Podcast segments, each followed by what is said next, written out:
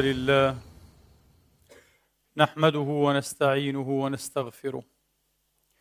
ونعوذ بالله من شرور أنفسنا وسيئات أعمالنا. من يهده الله فلا مضل له ومن يضلل فلا هادي له. وأشهد أن لا إله إلا الله وحده لا شريك له ولا نظير له ولا مثال له. وأشهد أن سيدنا ونبينا وحبيبنا محمدا عبد الله ورسوله وصفوته من خلقه وأمينه على وحيه ونجيبه من عباده. صلى الله تعالى عليه وعلى آله الطيبين الطاهرين وصحابته المباركين الميامين وأتباع بإحسان إلى يوم الدين وسلم تسليما كثيرا. عباد الله أوصيكم ونفسي الخاطئة بتقوى الله العظيم ولزوم طاعته. كما أحذركم وأحذر نفسي من عصيانه سبحانه ومخالفة أمره. لقوله جل من قائل من عمل صالحا فلنفسه ومن أساء فعليها وما ربك بظلام للعبيد. ثم أما بعد أيها الإخوة المسلمون الأحباب أيتها الأخوات المسلمات الفاضلات. يقول الله سبحانه وتعالى في كتابه العزيز بعد أن أعوذ بالله من الشيطان الرجيم. بسم الله الرحمن الرحيم. التائبون العابدون الحامدون السائحون.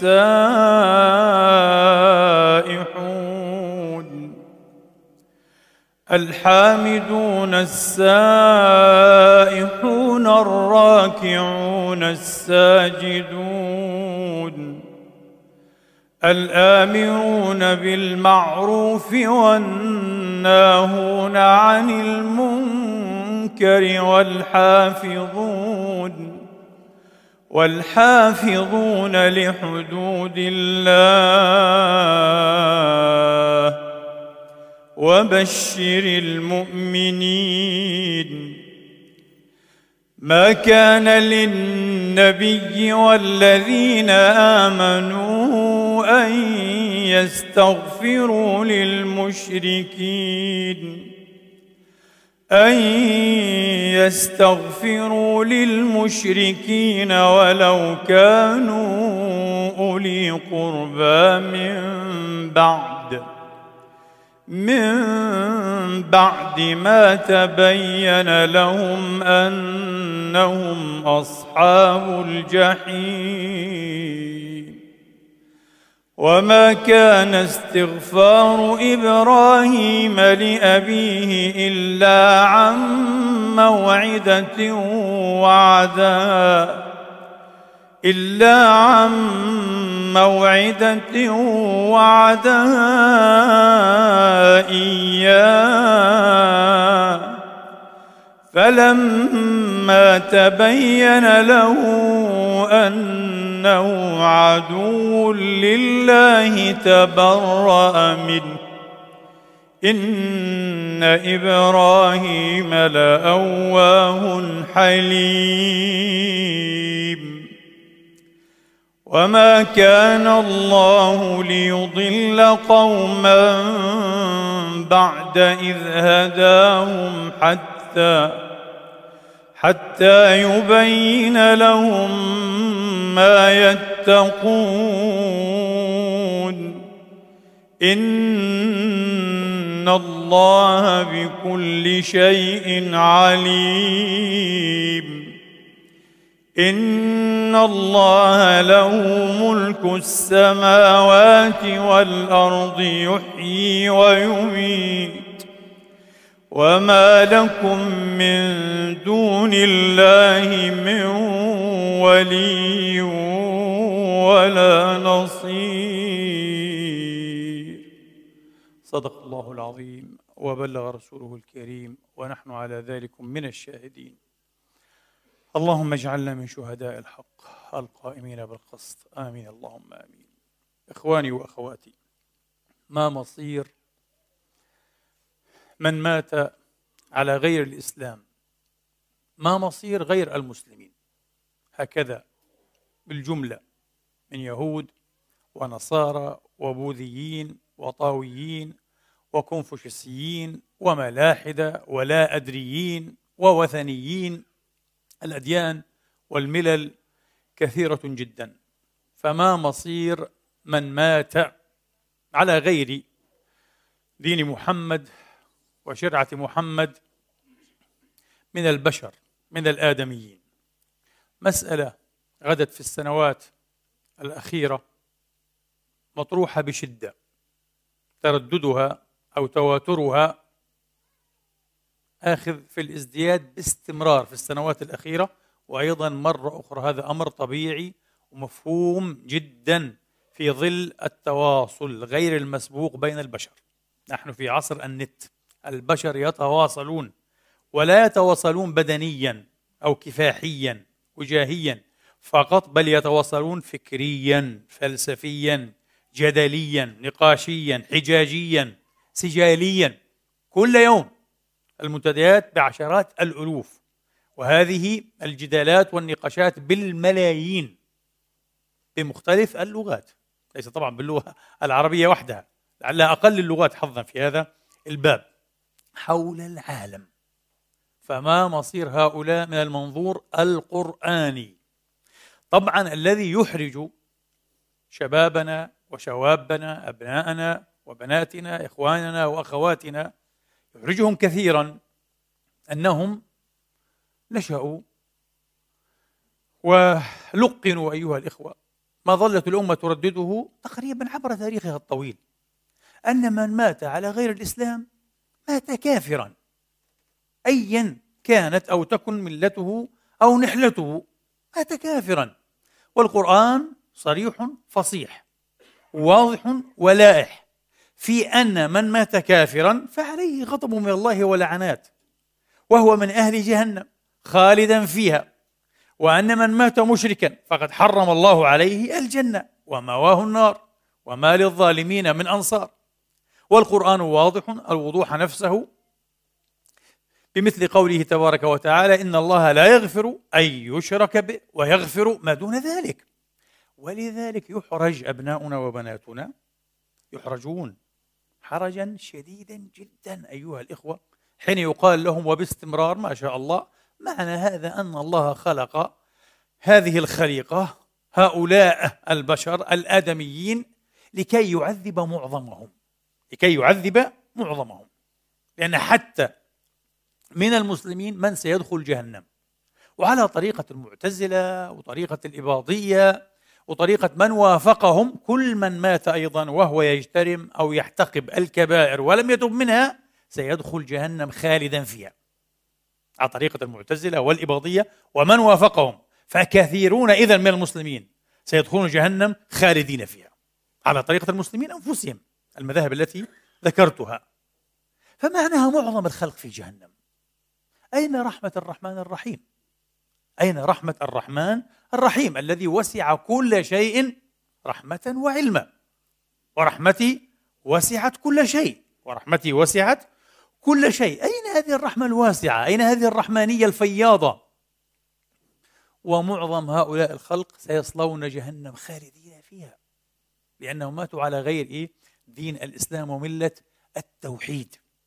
كلام خطير جدا وكما قلت لكم محرج المشكلة الأمر لم يعد ليقف عند حد الحرج والإحراج. الأمر تطرق وتمادى وتبيغ بمن يشارك فيه إلى خروج أعداد وأعداد كبيرة من أبنائنا وبناتنا. ولا نقول هذا تهويلا. بعض الناس يظن أن الأمر لعب هزل ويظن أني وأمثالي نهول. ليس تهويلا. عليك فقط أن تدخل في هذه العوالم لكي تعلم صدق أو ما صدق أو تقف على ما صدق ما قلت وما أقول. أنفار وأعداد هائلة من أولادنا أبنائنا وبناتنا يخرجون من الإسلام. لماذا؟ لأنهم يجدون هذه الاعتراضات معقولة. يقول لك يا أخي كلام معقول في نهاية المطاف معقول. خلقنا دون أن يخيرنا وبعد أن خلقنا سيسوق معظمنا إلى جهنم خالدين فيها. تحطمنا إلى الأبد الآبدين. شيء لا يكاد يصدق. ولذلك يقولون يستحيل أن هذا الإله الذي يتحدث عنه أتباع محمد يستحيل أنه هو الإله الحق.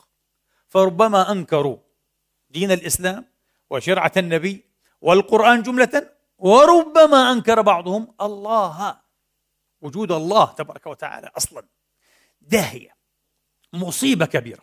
مصيبة كبيرة. طبعا هذا العرض وهذا الفهم الذي لقناه وعودنا على ترداده ويصك مسامعنا ليل نهار كأنه من محكمات الدين وكأن القضية قطعية وهي هكذا. يتناقض وجهة نظري وعلى طول الخط مع روح القرآن الكريم وفعلا يتناقض مع رحمانية الرحمن الرحيم. أكثر اسم تردد بعد اسم الله المفرد لفظ الجلالة الله لا إله إلا هو الرحمن. ما رأيكم؟ إذا احتسبنا البسملة آية من السور باستثناء طبعا إيه براءة أو التوبة تفضل. مع أنه البسملة أيضا إيه في سورة النمل. يعني لديك إذا مئة وعشرة مئة وأربع عشرة آية فيها بسم الله الرحمن الرحيم الرحمن الرحيم.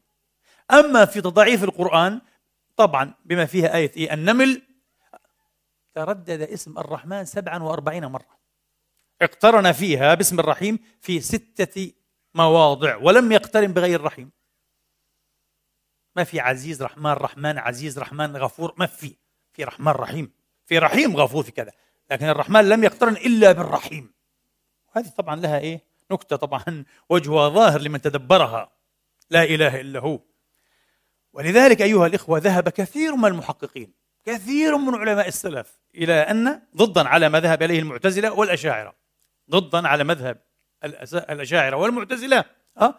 ذهب كثيرون جدا من علماء السلف والخلف إلى أن الرحمة صفة للذات من صفات ذات المولى وليست من صفات أفعاله. الغضب من صفات أفعاله. الغضب من صفات أفعاله. الرحمة صفة قديمة كالحياة كالعلم كالإرادة كالقدرة كالسمع كالبصر كالكلام أو السبع الصفات التي سماها السادة الأشاعرة صفات المعاني واعتباراتها الصفات المعنوية. وكفروا من أنكر المعنوية وبدعوا من أنكر المعاني. بالقياس الدقيق وبالنظر الحقيق بالقبول الرحمة صفة كهذه الصفات وينبغي أن تعد من صفات المعاني. وهي صفة ذات وهي صفة ذات قديمة. صفة ذات قديمة كسائر صفات الذات كسائر صفات الذات. لا إله إلا الله. جميل. والقضية خلافية طبعا لكي نعلمها ليست قضية إجماعية. كما قلنا هذا ضد مذهب الأشاعر وضد مذهب المعتزلة. لكن عليه جماعة من المحققين المحققي السلف والخلف. ولذلك قال الإمام عبد الكريم بن هوز القشيري في لطائف الإشارات تفسيره الشهير قال عذابي أصيب به من أشاء. ورحمته وسعت كل شيء. علق التعذيب علق العذاب بماذا؟ بالمشيئة. فإن شاء عذب وإن شاء رحم فلم يعذب.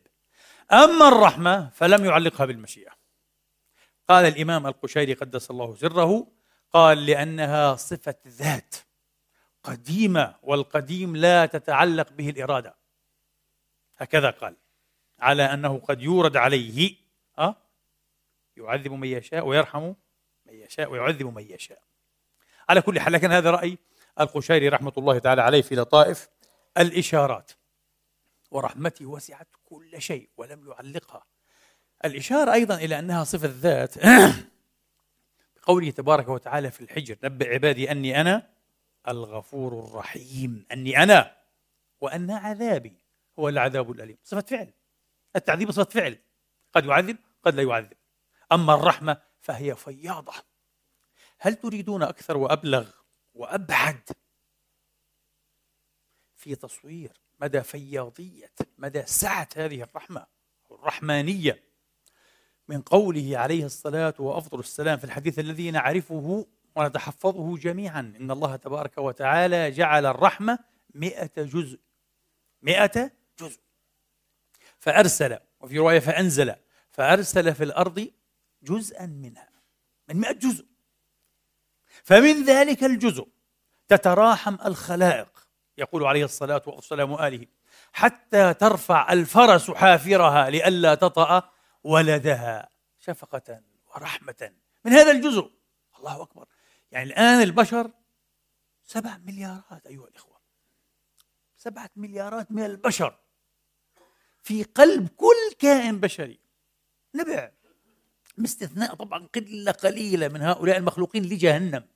المذروئين ليكونوا حطبا لجهنم. من القتلة المجرمين الذين قد يقتلون أطفالهم وأولادهم فضلا عن أطفال الناس ولا يطرف لهم جفن. هؤلاء أهل جهنم حقيقون بها. وليس من العدل إيه أن ينعموا أو يعفى عنهم. هؤلاء لعنة على أنفسهم وعلى من حولهم وعلى البشرية كلها. باستثناء هؤلاء وهي قلة منزورة جدا. الناس تنطوي على رحمة عجيبة على الأقل إيه؟ لأهله وولده وذويه. رحمة غير طبيعية. الإنسان يفدي ولده بنفسه من غير تردد من غير تفكير. طيب سبعة مليارات. طب الأنواع الحيوانية.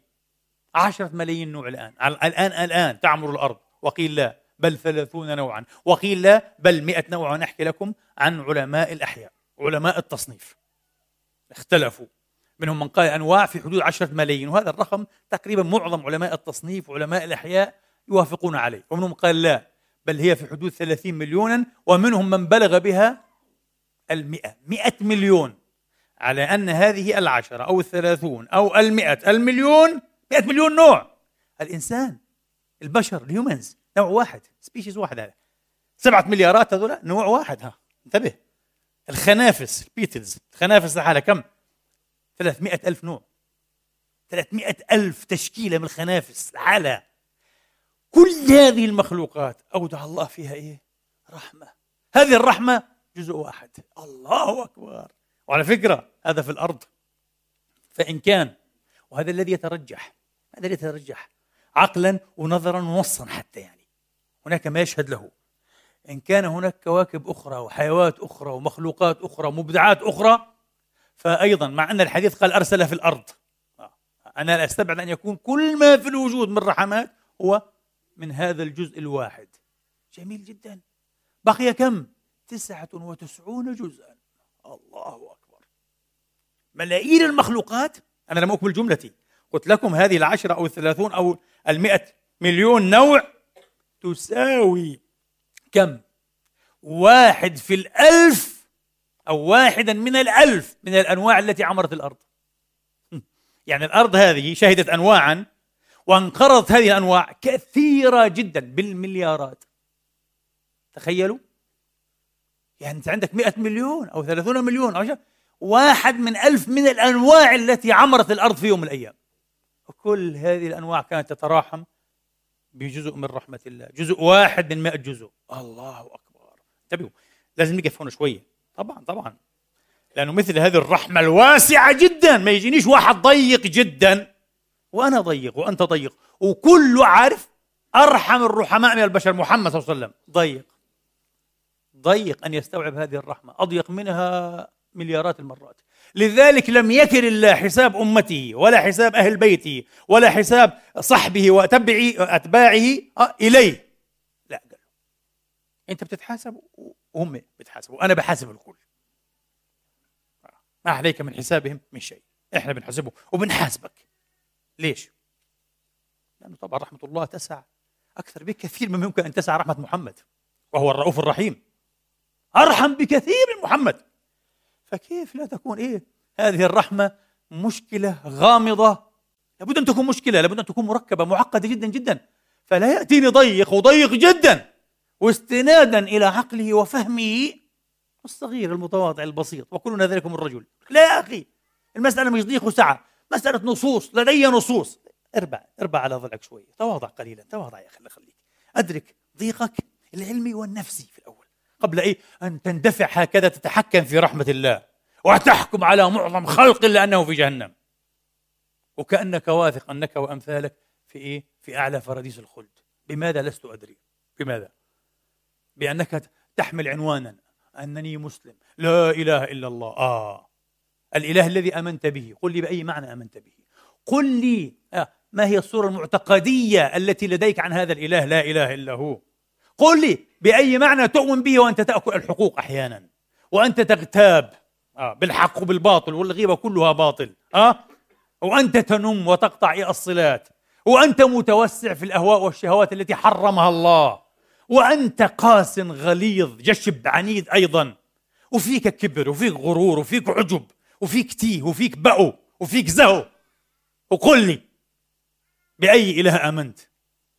ترفع عنوان وتظن أنك إيه؟ تستحق بهذا العنوان الشيء الكثير على الله. لذلك حذرك الله وحذرك نبيك حين قال فيما صح عنه أه؟ والذي نفسي بيده لن يدخل أحدكم الجنة عمله. وفي ألفاظ أخرى وروايات أخرى لن يدخل أحدكم الجنة بعمله. ولا أنت يا رسول الله؟ قال ولا أنا. حتى يتغمدني أو إلى أن آه إلا أن يتغمدني الله برحمة منه. بالرحمة مش بالعنوان مسلم موحد وبعدين تحت هذا العنوان افعل ما تشاء. والآخر المسكين ما سمع بمحمد. وإن سمع به ربما سمع به مشوها مقلوبا معكوسا منكوسا.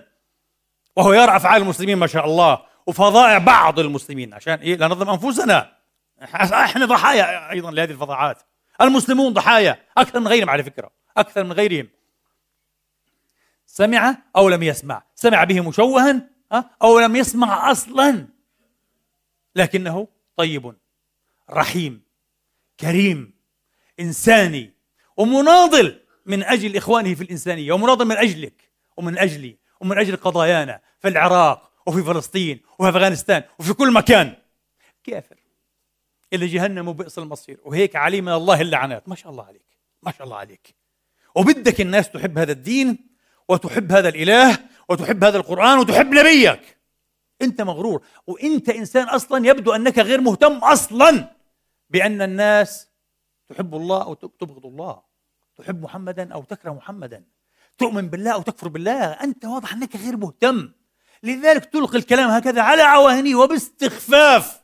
كأن المسألة مقطوعة لديك. لا أدري كيف قطعت بها. هذا جزء من موضوع خطبة اليوم. جزء من موضوع خطبة اليوم إخواني وأخواتي.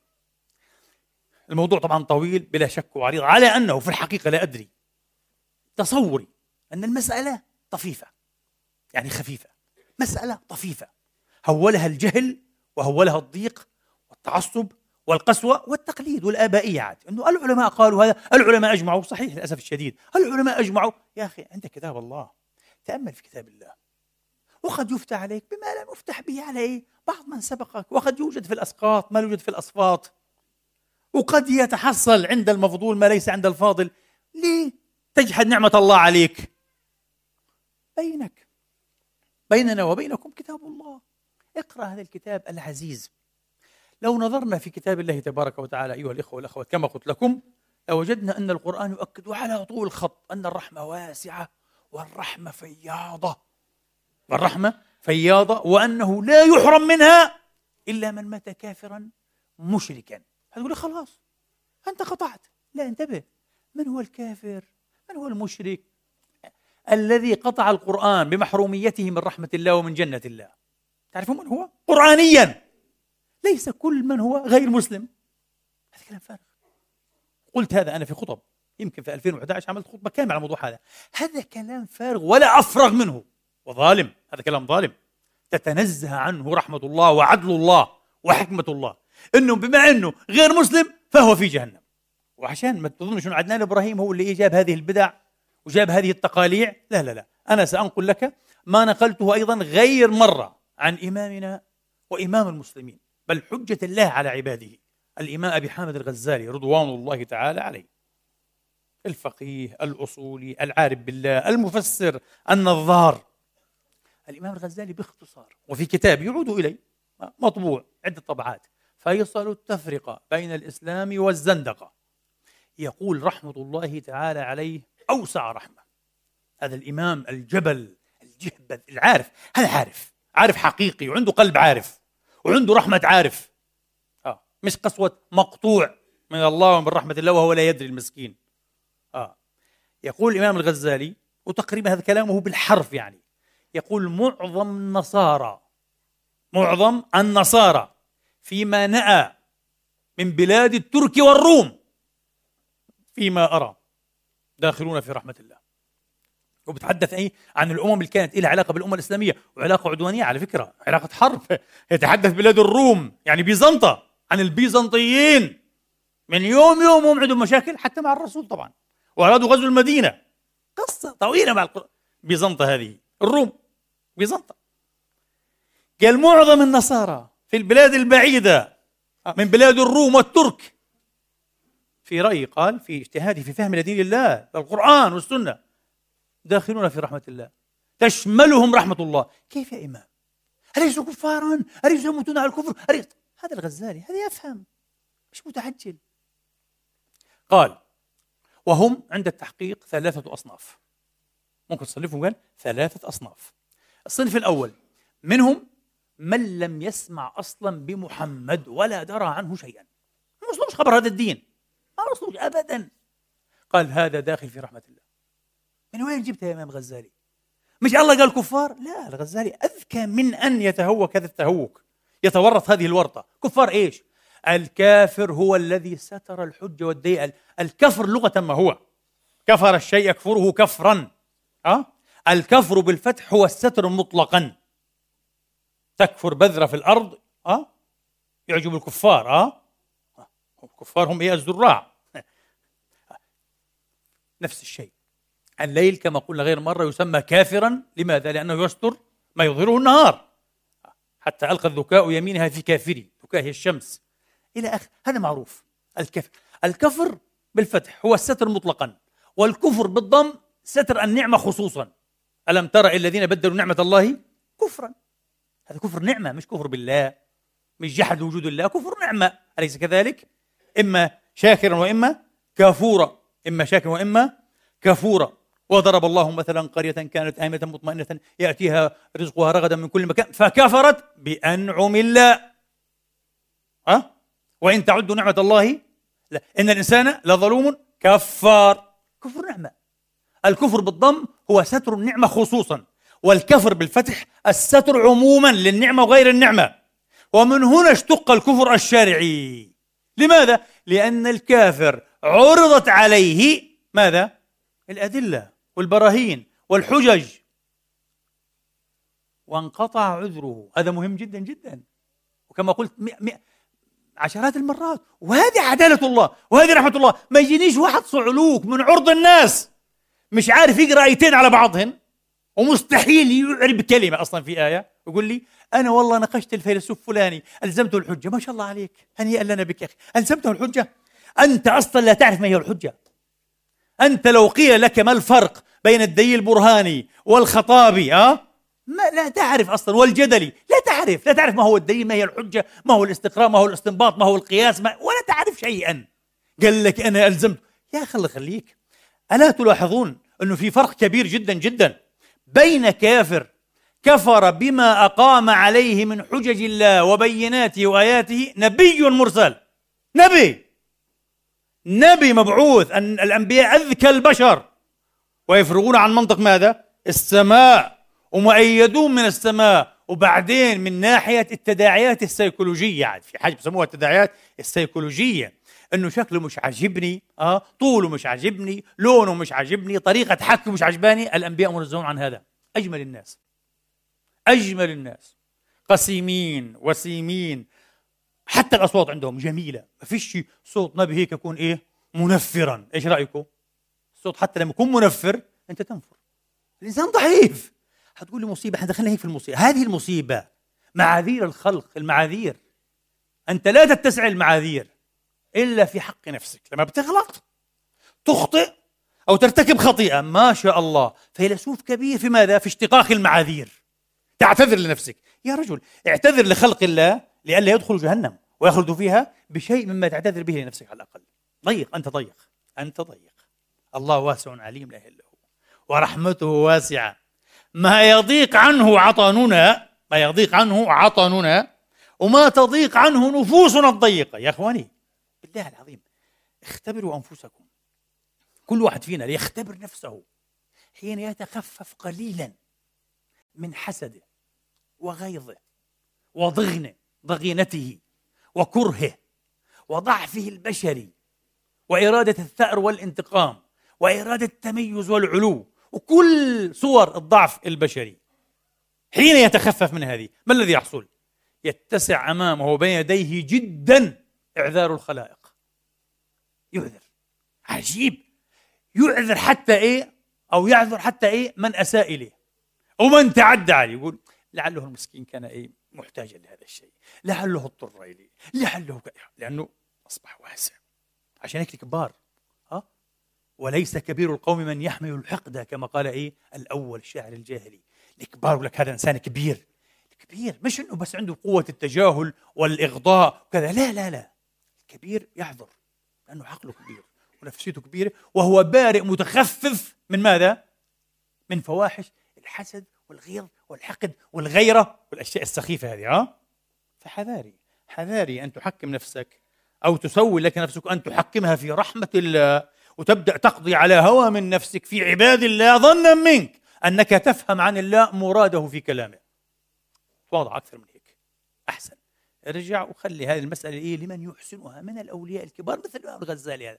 الغزالي يفهم أن الكافر قرآنيا هو الذي كفر إيه بعد أن قامت عليه الحجة. هذول من وين جبتوها هذه؟ جبناها من القرآن الكريم نفسه. القرآن يقول وما كنا معذبين حتى نبعث رسولا ليه؟ الرسول ليش؟ يقول أنا رسول ضلوا ماشي. أنا رسول. وخلاص. لا. رسول ها يسعى بين الناس.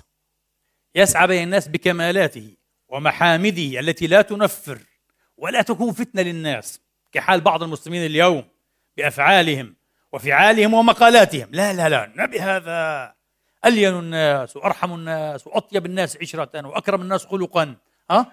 وأحسنهم ملفظا ومنطقا. لين. جمال ولو كنت فظا غليظ القلب لانفضوا. حتى الصحابة قال له حتى أصحابه كانوا ينفضوا عنك. هذه القسوة والغلظة بتنفر حتى المسلمين يا رجل يا إخواني والله أنا قلبي ممتلئ وعقلي سامحوني النبي يقول لمعاذ يا معاذ أفتان أنت يا معاذ أفتان أنت يا معاذ أفتان ليه ليه؟ إيش عمل معاذ؟ فقط يطيل الصلاة إيه؟ بالناس والناس فيهم إيه؟ صاحب الحاجة والشيخ الكبير والأم عندها إيه؟ أطفالها وعندها مشاغلها وكذا لماذا تطيل؟ نسبه إلى الفتنة نعته بالفتنة أو أوشك فكيف الذي يأتي العظائم والفواحش والحرق والذبح والسلخ والتكفير والدنيا كلها في جهنم وإحنا ويسب ويلعن؟ طبعا إحنا شوف أنا العبد الفقير الآن بعد هذه الخطبة حتشوفوا السب الذي ينهال على أم رأسي. آه. كما نهال من قبل. فقط لأنني أحاول إيه أن أعرض وجهة نظر أخرى وبطريقة علمية محترمة رصينة. لا ممنوع. طبعا طبعا هذه رحمتهم. الله أقطعهم هذه الرحمة. الرحمة الالهيه الله أقطعهم إياها. يتصرفون كيف يشاءوا قال بفهومهم يعني. زعلانين كثير يعني. يا أخي سلموا الأمر على الأقل لله. قولوا لله الأمر من قبل ومن بعد. خليكم كالأنبياء شوي واسعين. شوي مثل الانبياء الأنبياء واسعون جدا. إبراهيم عليه السلام إيش قال؟ ربي إنهن عن الأصنام آه وجنوبني وبني أن نعبد الأصنام. ربي إنهن اضللن كثيرا من الناس. فمن تبعني فإنه مني. أي إيه؟ بمجافاة الأصنام وعبادتها وتمحيض الله العبودية والتفريد وبعدين إيه؟ ومن عصاني. معناها إيه؟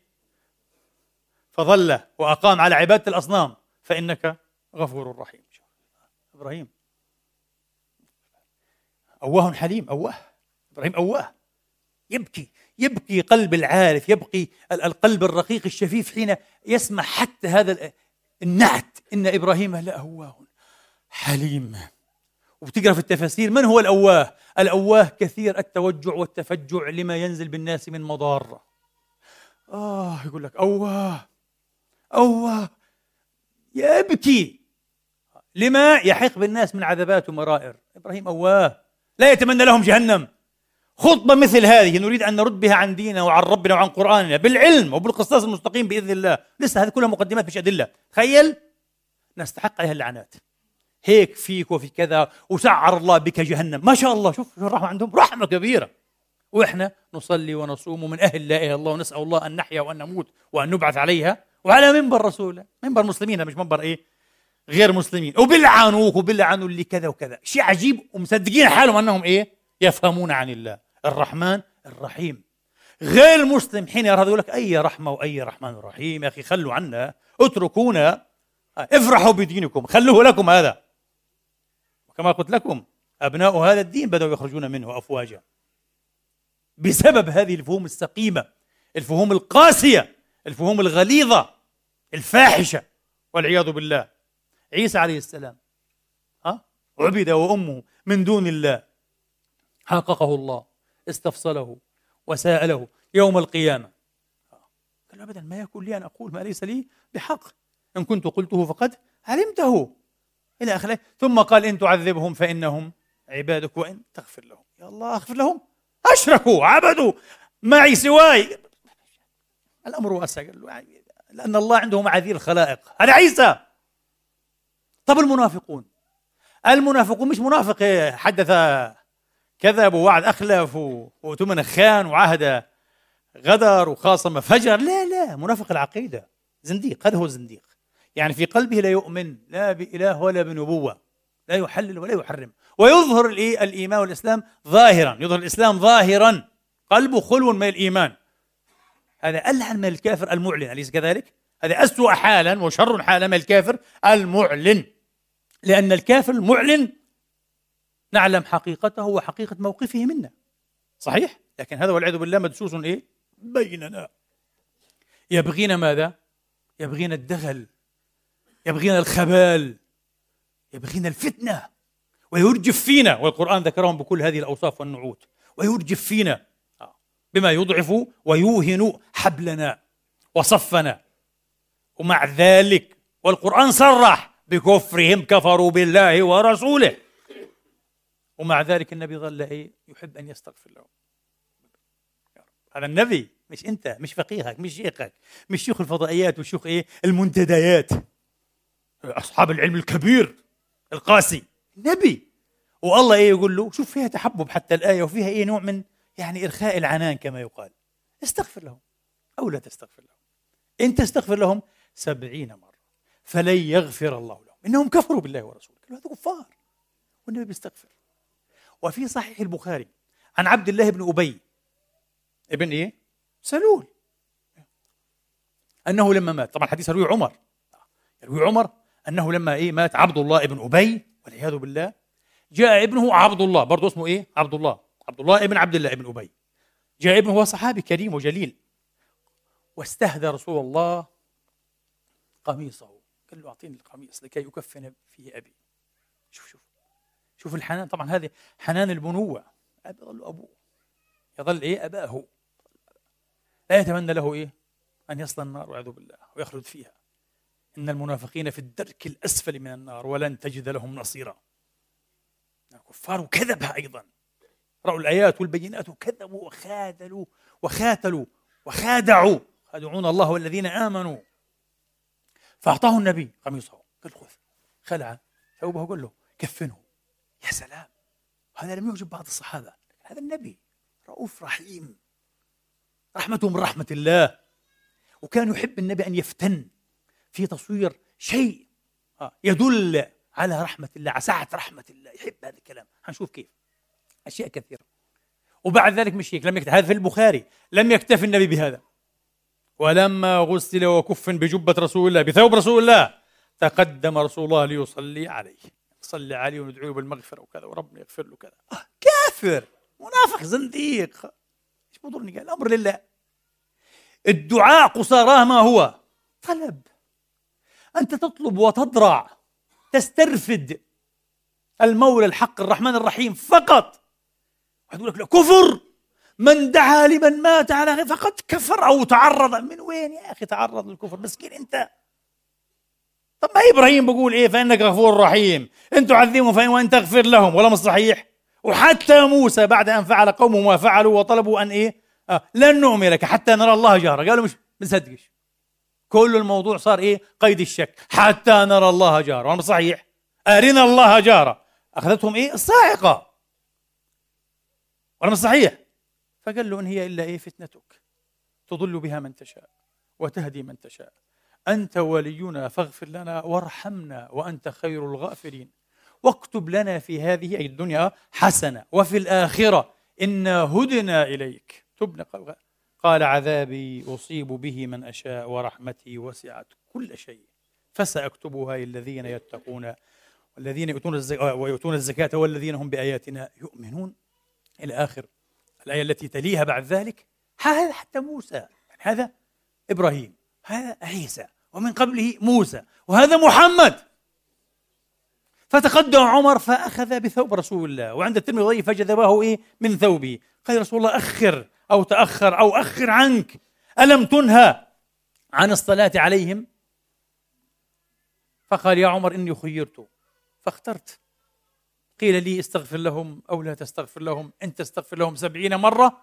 ولو علمت أني لو استغفرت فوق السبعين غفر له لاستغفرت له. وفي رواية وسأزيد فوق السبعين. يا قال له أنا محمد أنا رؤوف رحيم. أنا أحب أن الخلائق تدخل الجنة. أنا لا أحب لأحد أن يدخل النار. هذا محمد. محمد الذي آه. روي عنه عليه الصلاة والسلام كان في معركة. ذات معركة إنجاز التعبير. آه. آه. ذات معركة. ويبدو أن الحرب وضعت أوزارها أو كانت جولة واستراح الناس استراح الفريقان. فرأى النبي امرأة مذهولة ذاهلة عقلها مش معها المرأة. عزب عنها عقلها. تبحث هكذا قلبها وعينها في السماء. صغيري صغيري. رضيعي صغيري. كالمجنون المسكينة ولها على ابنها الصغير. فالنبي يتأمل فيها. طبعا قلبه يتوجع أكيد. النبي أواه حليم. يتوجع المسكينة هذه. ولعله دعا لها الله. آه. أن تلقى ولدها إذ أصابته. فأخذته فضمته إلى صدرها. ألقمته ثديها. النبي قال أرأيتم هذا أرأيتم هذه شفتوا شفتوا المشهد هذا؟ قالوا أيوة شو شفنا تبعنا تبع المشهد العجيب المؤثر الحزين هذا. قال أرأيتم هذه المرأة قاذفة ابنها في النار وهي تقدر ألا تفعل؟ يعني الأمر بالخيار هي مخيرة. هل ممكن تختار تروح تحط ابنها في جهنم؟ هي في النار هيك ترميه في النار تحرقه؟ قالوا يا أبدا يا رسول الله كلا. قال فالله أرحم بعباده من هذه بولدها. بيحاول يصور لنا انتبهوا الرحمة قال شيء كبير كبير. الأب وكثير منا أباء بفضل الله عز وجل نسأل الله لمن ليس أي يعني متزوجا وليس أبا بعد أن يصير أبا وأما. الأب والأم الأب الحنون الأم الشفوق العطوف. مهما كان صارما مهما كان جادا ومسؤولا في قضية التربية. ومهما أخطأ ابنه أو ابنته يتحيل ويريد شبهة عذر ليرفع عنه ماذا؟ طائلة العقاب. صحيح؟ هذا الأب. كلنا نجرب هذا. لا لا. واضح إنه خلص بابا. ماشي الحال بس تعودها واضح إنك أنت غلطت أنت مش عارف مش قاصد مش قصدك ما حنان. رب العالمين يفعل هذا؟ يفعل أكثر من هذا مليارات المرات. مليارات المرات. معذوريات العباد لا يعلمها إلا الله. وعلى فكرة واحد يقول لك انتبه لا تدلس على الناس. يا مدلس عندهم لسان طويل في السب والشتم. هكذا مباشرة. ويحكمون النوايا. لا تدلس على الناس يا مدلس. قال تعالى فسأكتبها. لماذا لم تقرأ فسأكتبها؟ الله لم يقل ورحمتي وسعت كل شيء وسكت. قال ورحمتي وسعت كل شيء فسأكتبها للذين يتقون ويؤتون الزكاة. اذا كما قال علماؤنا وساداتنا رضي الله عنهم الآية مخرجها عام. ومعناها خاص. أو ما يعبر عنه بلسان علماء أصول الفقه عموم أريد به خصوص. مش عموم مخصوص لا. عموم أريد به خصوص من أصله. هذا بسموها إيه؟ مخرجه عام ومعناه خاص. بمعنى ورحمتي وسعت كل شيء أي وسعت المؤمنين. واضح ضعيف الكلام هذا. وبالنسبة لي شديد الضعف شديد الوهاء. ما رأيكم؟ ومما يشهد بضعفه ووهائه أن الله تبارك وتعالى قرن الرحمة الواسعة بالعلم الواسع. وسعت كل شيء رحمة وبدأ بالرحمة. وعلما فالسؤال بالله عليكم الآن هذا العلم الواسع مخرجه عام ومعناه خاص؟ فيطلع الله يعلم أشياء ويجهل أشياء. أستغفر الله اللهم غفرة مستحيل. لا يعزب عن علمه مثقال ذرة لا في الأرض ولا في السماء. صح؟ أبدا. وكذلك لا يخلو من رحمته مثقال ذرة لا في الأرض ولا في السماء. بل الكون كله مفاض مخلوق أثر من آثار رحمانيته. ثم استوى على العرش الرحمن. فاسأل به خبيرا. بعد ما خلق السماوات والأرض آه, آه ودبر الأمور واستوى على العرش الرحمن. قال لك هذا الوجود كله فيض الرحمانية على فكرة كما قال فلاسفتنا الإسلاميون من قديم قالوا الوجود قطعا خير من العدم. ولذا هذا أول معاني الرحمة الواسعة. ما من موجود أوجده الله إلا ورحمه وهذه أول الرحمات. ومن أكبرها بماذا؟ بإيجاده. أخرجه من كتم العدم إلى أنوار الوجود شعشعان الوجود. كيف مش رحمة هذه؟ رحمة واسعة لا إله إلا الله. فلذلك هذه الرحمة وسعت كل شيء من إنس وجن من بشر وحجر من ملك إيه وشيطان وإنسان. وسعت كل شيء هذه الرحمة. واحد يقول لي طب ما معنى التفريع؟ قال فسأكتبها. هذا بلغة ها؟ العلماء تفريع الآن صار في تفريع صح؟ وسعت كل شيء فسأكتبها. هنا الجمال عاد. هنا الجمال في القرآن. الذي للأسف أخطأنا طريقة إيه؟ طريق التقاطه وفهمه وإدراكه واضح أن الآية كما قلنا إيه؟ رحمتي وسعت كل شيء تماما كما وسع علمه كل شيء ولا يعزب عن علمه شيء ورحمته وسعت كل شيء أما هذا التفريع فهو تفريع على سعة الرحمة فسأكتبها للذين يتقون هذا التفريع يا إخواني جاء بمثابة ماذا؟ بل هو جاء بمثابة وعد وطمأنة للموصوفين للمنعوتين بالنعوت المذكورة. المتقين الذين يؤتون الزكاة والذين يؤمنون بآيات الله وبعدين إيه؟ كمان قيل عطف عليهم وقيل لسه كمان إيه؟ تكمل النعوت اللي بيآمنوا بالنبي إيه؟ الأمي عليه الصلاة وأفضل السلام. هذه طمأنة. تعرفون ما المعنى يعني؟ شوف الجمال في القرآن الكريم. كأن الله تبارك وتعالى وهو أعلم وأحكم. كأنه قال بخصوص رحمتي. رحمتي وسعت كل شيء. معناها لا يزال هناك مش أقول لك هامش بل طريق صراط وسيع وسيع جدا لرحمة خلائقه. من أذنب ومن أخطأ ومن ضل. بحسب ما تقضي به الحكمة. بما أحاط به العلم. تقول إيش معنى الكلام هذا؟ تقضي بالحكمة وأحاط به. إيش الكلام؟ إيش تريد يعني أنت؟ تكون زنديق بخافوا حرام بخافوا تعلمهم المعاني العميقة الجميلة. يكون زنديق زنديق. آه زنديق. يدفع عن ديني وعن عن ربي زنديق. آه ويحط الناس كلهم في جهنم. هذا المؤمن التقي الممتاز هذا ما شاء الله عليه. آه. أنا أقول لك كما قلنا مرة أخرى حين تتخفف أنت من ميكانيزماتك السيكولوجية التي تريد بها محو أشياء وإثبات أشياء ويقروا في علم النفس إيه؟ الميكانيزمات الدفاعية بسموها ال defense mechanisms آه؟ مثل الإسقاط ومثل غيره وكذا. تتخفف من كل هذه وتصير إنسان واضح وبسيط وصريح وجميل ورحيم مرة أخرى يتسع الفضاء أمامك وينداح وينداح إلى ربما إلى غير مدى أو إلى مدى واسع جدا لمعذورية الخلائق واضح؟ فالآن ربك ورب الرحيمين ورب البشر أجمعين ورب الخلائق من عند آخرها أولى بهذه الرحمة لا إله إلا هو أولى بهذا الإعذار. هو وحده صدقني من يعلم مدى معذوريتك. أكثر منك. إيش رأيك؟ يا مسكين أنت ربما حين كنت وهذا كلام مش من عندي هذا كلام الآن في علم الجينيتكس وعلوم علوم يعني شبه صلبة. أنت حين كنت جنيا في بطن أمك لكون أمك مرت بظروف نفسية معينة وتعاطت مواد معينة صار في استقلابات معينة في بعض المسارات اللي بسموها إيه؟ يعني الحيوية. في كيانك الغض الطري البسيط أثرت على شخصيتك إلى اليوم. يا واحد يقول لي يا شو المصيبة هذه؟ يعني مش البيئة اللي والتربية والتعليم حتى وأنا جنين وأنت جنين علميا. في أشياء بتصير لك وأنت جنين خلص تحكم شيئا في شخصيتك. ما رأيك؟ وكلنا بنلاحظ بصراحة. بنلاحظ. أولادنا يولدون في نفس الأسرة وفي نفس الظروف تقريبا لا يتغير فيها شيء حتى علاقة الأب بالأم يعني والعلاقة المادية أبدا. قد يكون الفرق بينهم سنة. بيطلع هذا شخصية وهذا شخصية. في شيء في في قابليات في أشياء. فضلا عن تأثير البيئة وتأثير الظروف وتأثير أشياء كثيرة زي ما قلنا. يعني شخص لما حكينا عن إيه؟ الاستغلال الجنسي لأولاد لأولاد. أولادنا الصغار للأسف الشديد. وهذه المسألة قاعدة تتسع للأسف الشديد. مرة أخرى. طفل اعتدي عليه وهو دون الثامن من عمره. وفي العاشرة في الثانية عشرة اعتدي عليه. من قريب له من أستاذ مش عارف من إيش من جار من شيطان من شياطين البشر لا كثر الله في البشر من أمثالهم. اختلفت شخصيته. أصبح شاذا المسكين أصبح يعتدي. هذا ليس كآخر يعتدي دون إيه؟ أن يسبق أن اعتدي عليه. هذا عند الله حسابه شيء وهذا حسابه شيء صح؟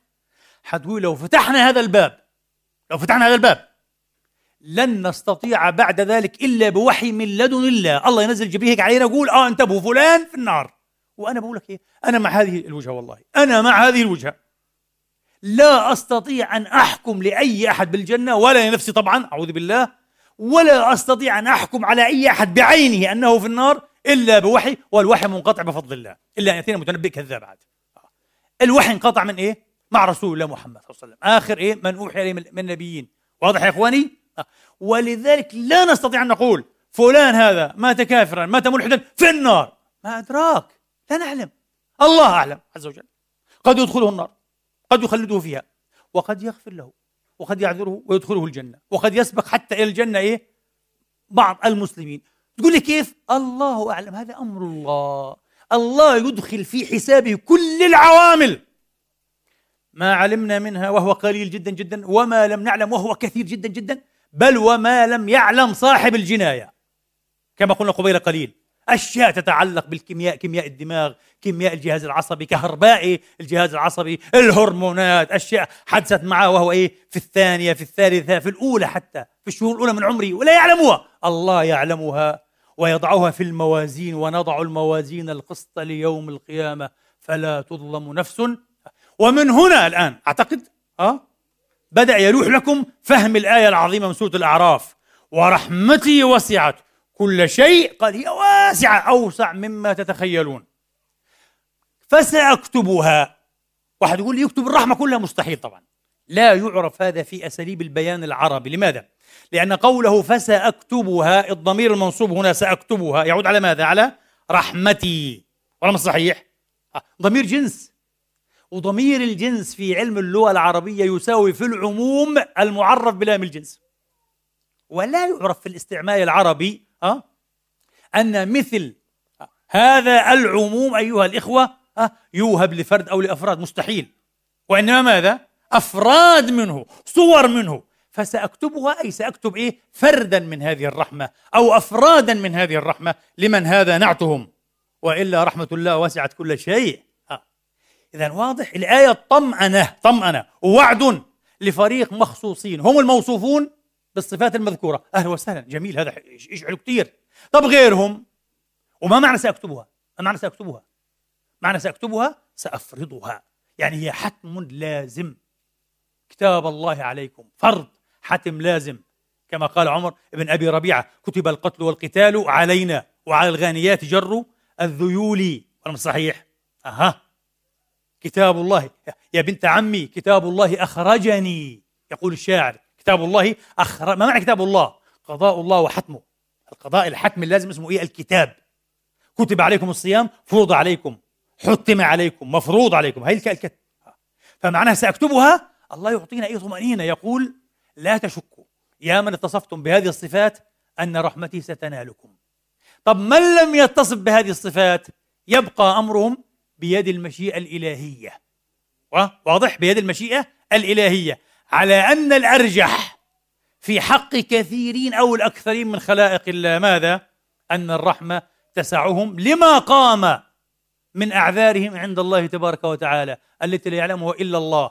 ماذا قال الإمام الغزالي عن نصارى الروم ونصارى الترك في الخطبة الثانية؟ ثم نمضي إلى صلاتنا. أقول قولي هذا وأستغفر الله لي ولكم فاستغفروه.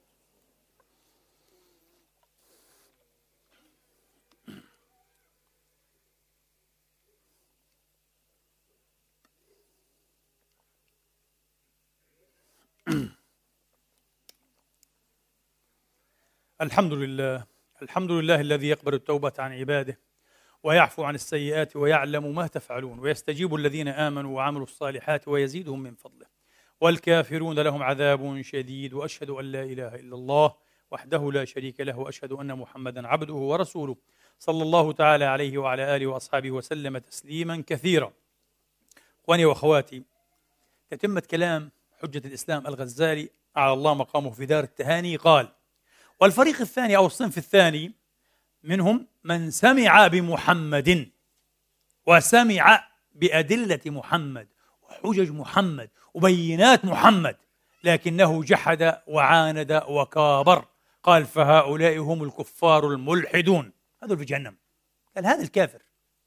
مش كافر غير مسلم؟ كافر. على فكرة هذه تجري على ألسنتنا كالماء ما شاء الله. قال الكفار الكو... اتق الله في الناس. الكفار إيش؟ عرضت عليه الإسلام؟ عرف الإسلام؟ أقمت عليه الحجة؟ فكفر؟ لا تقول هيك على الناس. قول غير المسلمين.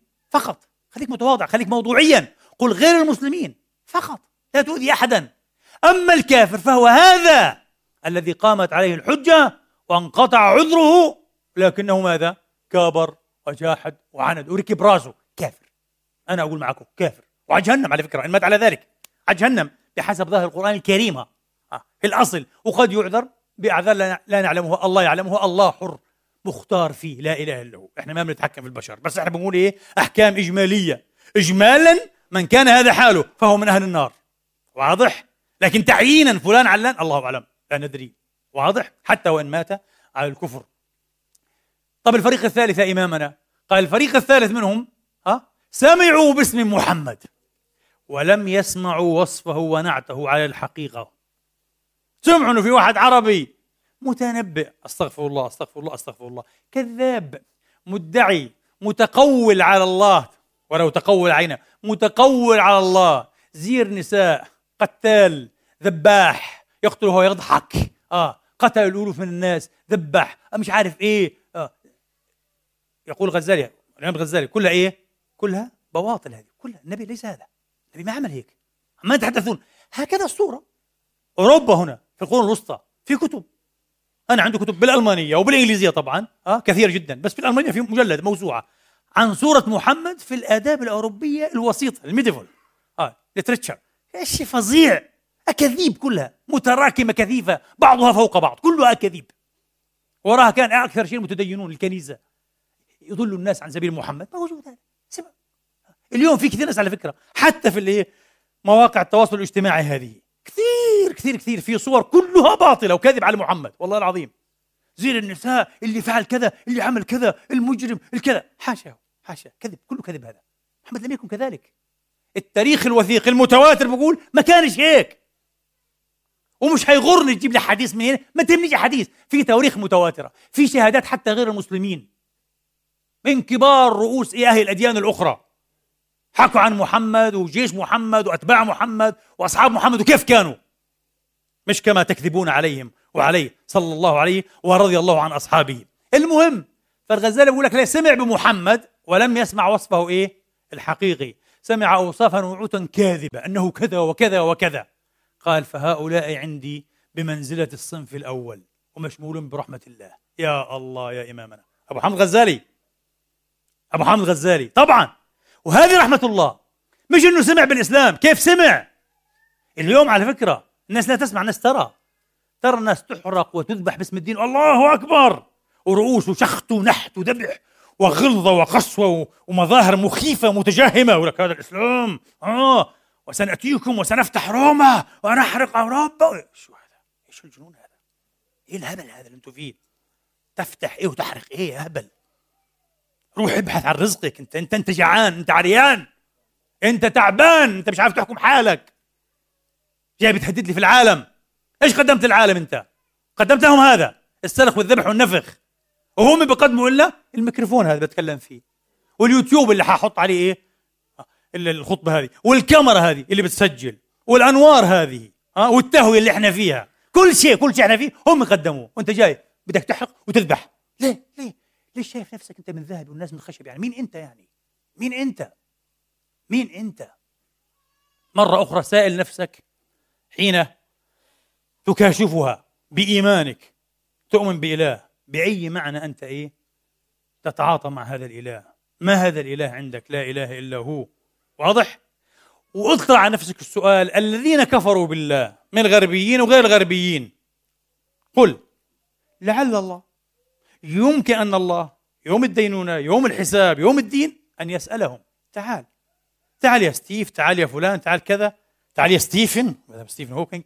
آه خلينا نجيب ستيفن كمان. تعال يا هوكينج تعال. أنت كفرت. بالله بالإله. الإله الذي كفرت به ما هو؟ حيقول له يا ربي أنا الذي علمته من أنا صغير. أن الإله أقنوم في ثالوث. وهذا الأقنوم اللي اسمه إيه؟ Jesus Christ عليه السلام ارتكبت باسمه مذابح مروعة.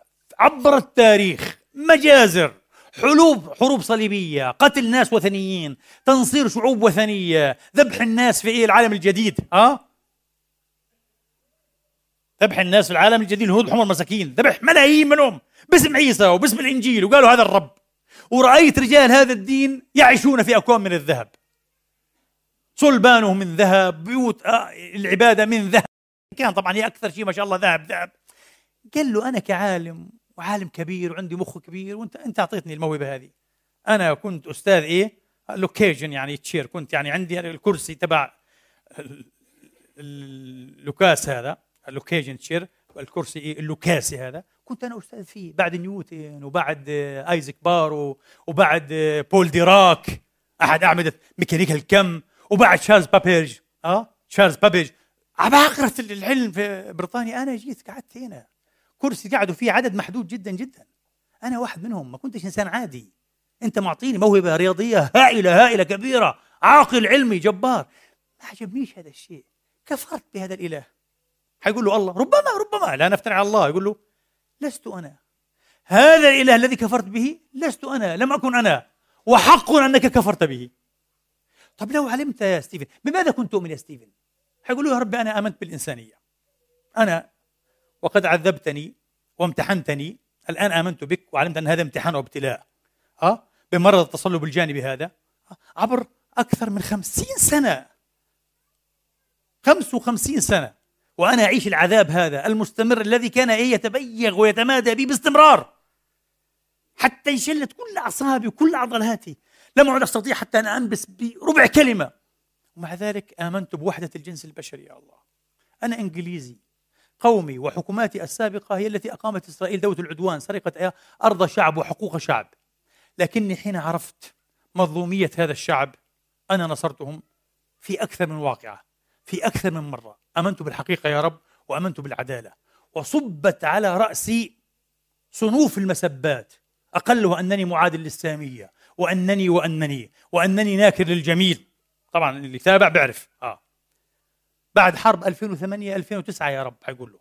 آه 27 ديسمبر 18 يناير 2008 2009 آه الحرب التي أحرقت بها إيه؟ غزة وأهل غزة ظلما وعدوانا بالفوسفور الأبيض.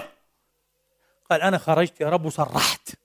وقلت الذي يحصل في غزة وضرب أهل غزة بهذه الطريقة البشعة لا يتناسب بالمرة مع إطلاقهم الصواريخ إنما يحدث في غزة لا يمكن أن يستمر وهو يشبه إلى حد بعيد ما كان يحدث في جنوب أفريقيا قبل 1990 قلت هذا. وأغضبتهم يا رب. في حين أن كثيرا من المسلمين يا رب من أتباع محمد النبي الحق كانوا يبيضون إيه؟ سواد إسرائيل ويدافعون عنها وعلى الأقل يغضون الطرف ويلومون الضحية. أنا لم أفعل. أنا في 2013 يا رب دعيت إلى مؤتمر أكاديمي عالمي في إسرائيل. يستضيفه شيمون بيريز رئيس الدولة آنذاك. وجهت لي دعوة على أعلى مستوى. وبعد مداولات مع زملائي الأكاديميين الفلسطينيين من جماعة إيه؟ المقاطعة. وسحب الاستثمارات وفرض العقوبات. ال BDS اقتنعت بوجهتهم وأرسلت رسالة إلى بيريز ودولته أعتذر فيها. وذكرت سببا من بين أسباب لاعتذاري أن معاملة الحكومة الإسرائيلية للفلسطينيين غير لائقة وغير مقبولة. معاملة ظالمة. ينبغي أن تتوقف وإن استمر الوضع على ما هو عليه سيفضي إلى كارثة. قلت هذا. وأغضبتهم يا رب. الله. سيقول يا رب حين كنت شابا صغيرا كنت عضوا نشطا في حركة ضد الحرب في فيتنام. وصفت وصفت قبائح وجرائم الأمريكان في فيتنام بأنها جرائم حرب. تماما كما وصفت يا رب حيقول له الحرب على العراق غزو العراق الذي دمر العراق. العراق مدمر الآن تقريبا.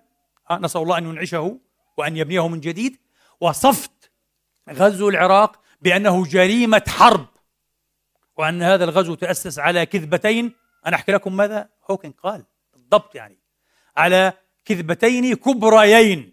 كذبة أن العراق يمتلك أسلحة دمار شامل وكذبة أن الحكومة العراقية لها ارتباط بالقاعدة وإبن لادن. قال ما حدث في العراق؟ جريمة حرب. يا رب أنا قضيت حياتي أنا قضيت حياتي. وأنا أناهض الأسلحة الكيميائية والأسلحة النووية. آه، وخط معارك في هذا السبيل.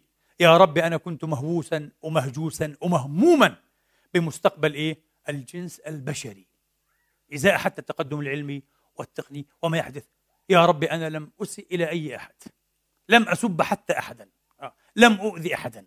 لم أقتل ذبابة. أنا حاولت أن أفهم كيف خلقت هذا الكون. ضللت في آخر حياتي.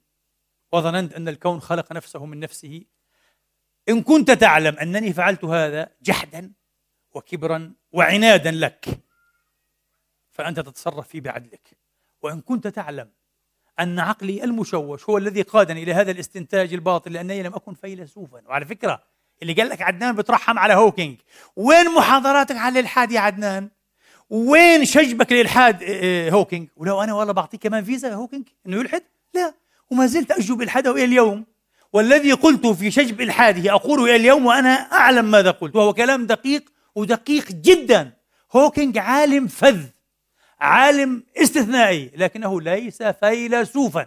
أنا أعرف ماذا أقول. وليس لاهوتيا عظيما. والعلم بحد ذاته يا إخواني العلم كعلم هيك يعني ها العلم المجرد ال mere science يعني. لا يثبت وجود الله ولا ينفي وجود الله. تعرفون لماذا؟ لأن العلم ليس ميتافيزيقا. العلم لا يهتم بما وراء الطبيعة. ها إن كان يؤمن بها أصلا. العلم يهتم بعالم الشهادة فقط.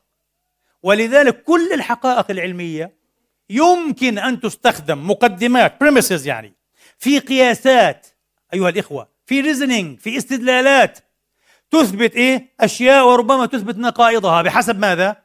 بحسب الفلسفة العلمية أو اللاهوتية أو الموقف الميتافيزيقي الذي يصدر عنه العالم قلت لكم في وقت قريب وأختم بهذه الجملة أطلت عليكم في وقت قريب جدا قبل أسابيع محمد عبد السلام رحمة الله على روحه العالم الباكستاني المسلم الكبير عالم الفيزياء النظرية العالمي محمد عبد السلام اشتغل مع ستيفن واينبيرغ وثالث على موضوع متخصص جدا في إيه؟ في الفيزياء واضح؟ له علاقة بالتوحيدية توحيد إيه؟ القوى وأخذوا ثلاثتهم نوبل عليه. محمد عبد السلام مؤمن وثيق الإيمان عميق الإيمان رحمة الله عليه.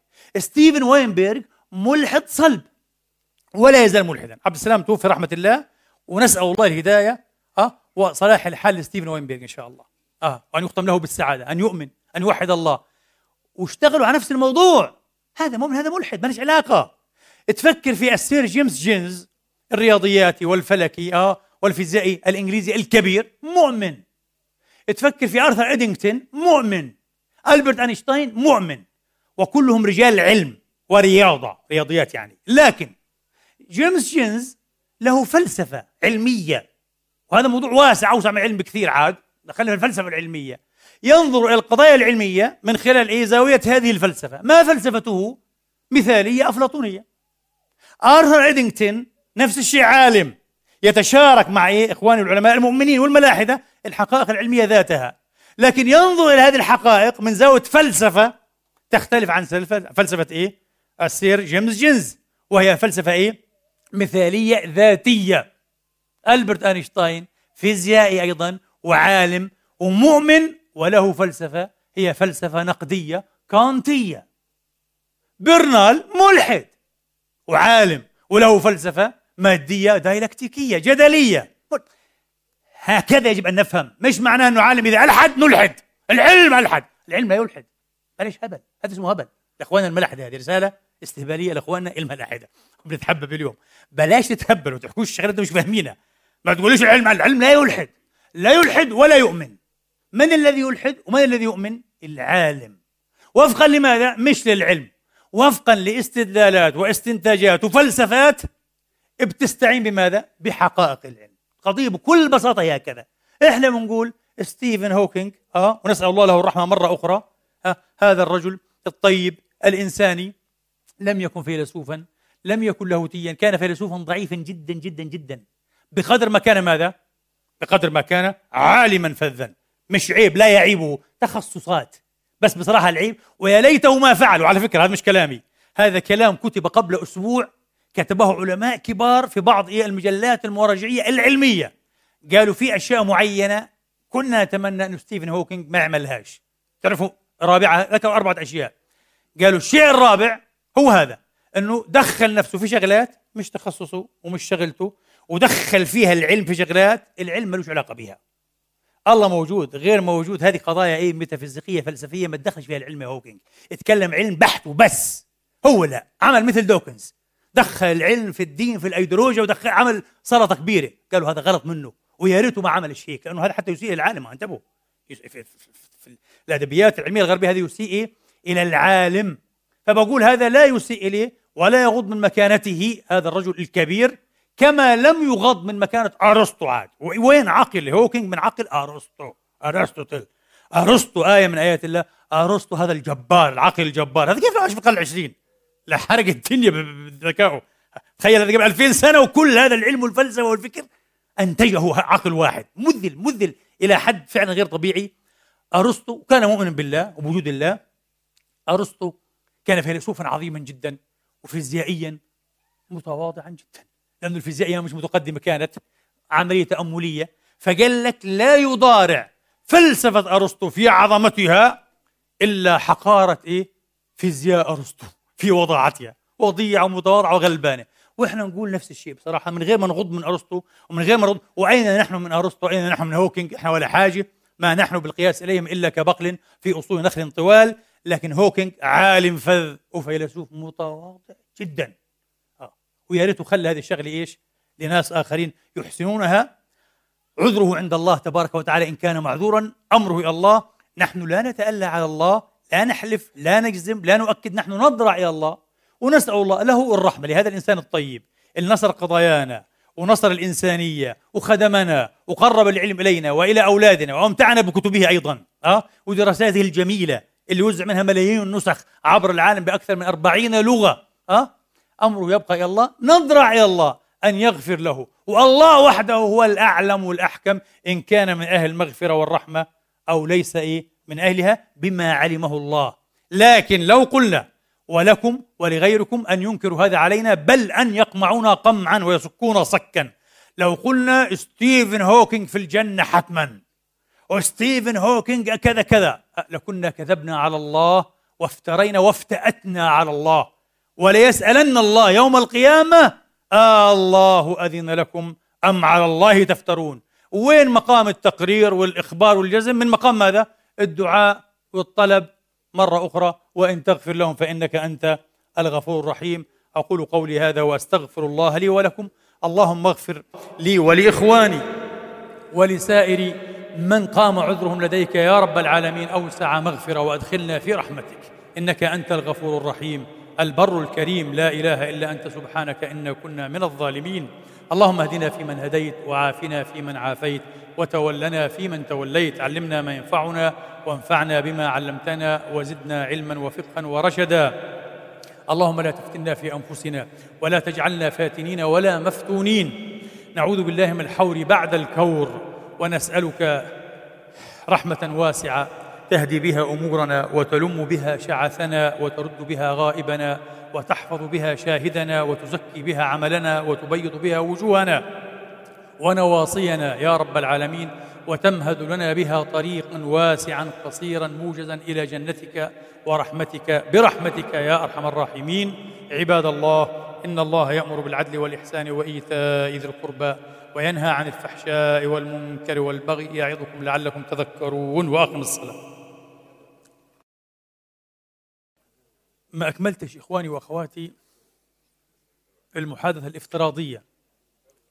ونسأل الله ألا يؤاخذنا بإيه؟ بخطأ نقع فيه فيما نقول. الله تبارك وتعالى سيقول له إذا أنت آمنت يا ستيفن؟ آمنت إيه بالحقيقة؟ آمنت بأخوة البشر. آمنت بالعدالة. آمنت بالرحمة. أنت كنت تبحث عندي وأنت لا تدري. أنا هذه الأشياء. أنا العدل. أنا الرحمة أنا المحبة أنا الحق. أنت كنت لا تدري. لم يصور لك الله على أنه هو هكذا لا إله إلا هو. فلعله يقول له أنت كنت مؤمنا وأنت لا تدري. أما الإله الذي نفيته ولم تؤمن به فكان من الحق أن تنفيه وأن تكفر به. لأنني لست ذلك إيه الأقنوم ولست ذلك الكيان الصغير الذي باسمي باسمي يستبيح البشر بعضهم بعضا ويغزو بعضهم بعضا ويقتل بعضهم بعضا ويدخل بعضهم بعضا النار. باسمي لست هذا. آه. أنت كنت أقرب إلي من هؤلاء. لعله يقال له هذا ما ندري ما, ما يدرينا. الله أعلم. أمره إلى الله تبارك وتعالى. والله لو صح عندنا خبر من السماء أنه من أهل إيه الجحيم لما استغفرنا له دقيقة من نار أبدا. ولا حتى لأقرب الناس إلينا. لكن نسأل الله أن يعمنا ويعم خلقه برحمته الواسعة آه، يقيني يا إخواني أنه لا يستحق الدخول في النار ولن يدخل نار جهنم إلا من فعلا يستحق دخولها باعترافه هو يوم القيامة سيدخلها وهو يقول الحمد لله رب العالمين لما رأى من عدل الله من هو هذا؟ حيخش جهنم تحطمه وتحرقه أه؟ طبعا الكافر حيكون هذا من هو الكافر؟ كما قلنا الكافر الذي أنكر أكبر حقيقة من حقائق الوجود. أنكر أن الله موجود بعد أن لزمته الحجة وقيده البرهان. لا كبرياء. لا. عفوا. لأن الرجل ربما مضى عليه دهر وهو يصدر نفسه والناس أنه ملحد مثلا أو كافر. فيكبر عليه أن يقول إيه؟ آه والله أفحمني فلان.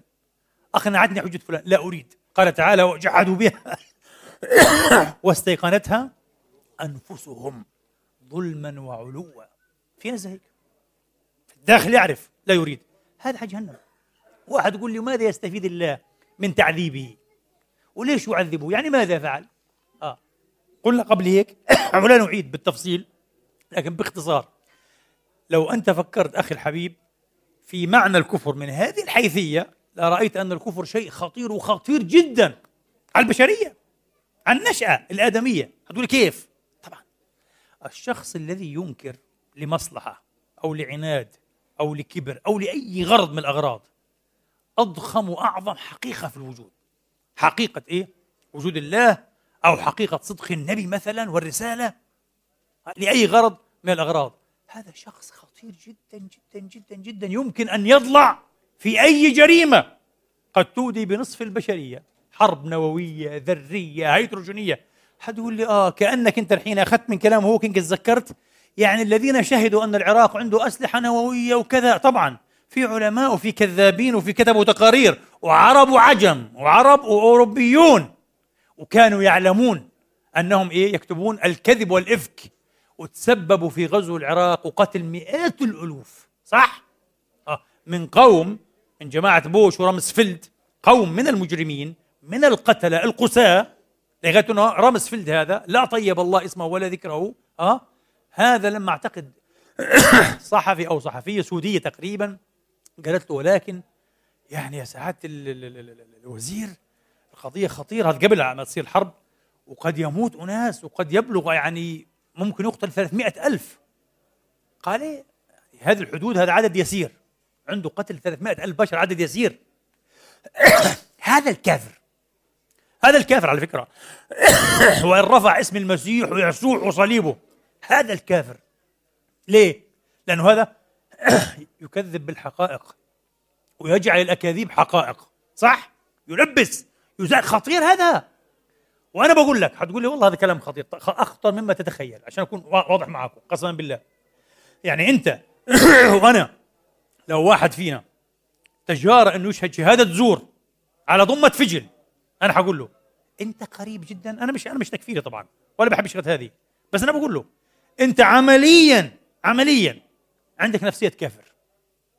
اللي بيستر الحق وبزيف الحق وبيشهد الباطل هو هذا الكافر في جوهره في جوهره. وإيش حيفيدك إنك أنت مآمن إنه الله موجود؟ والله أنا ما صدقتش بصراحة. أنا لم أعد أصدق. أنت مآمن إنه موجود؟ مآمن إنه موجود ويرقبك.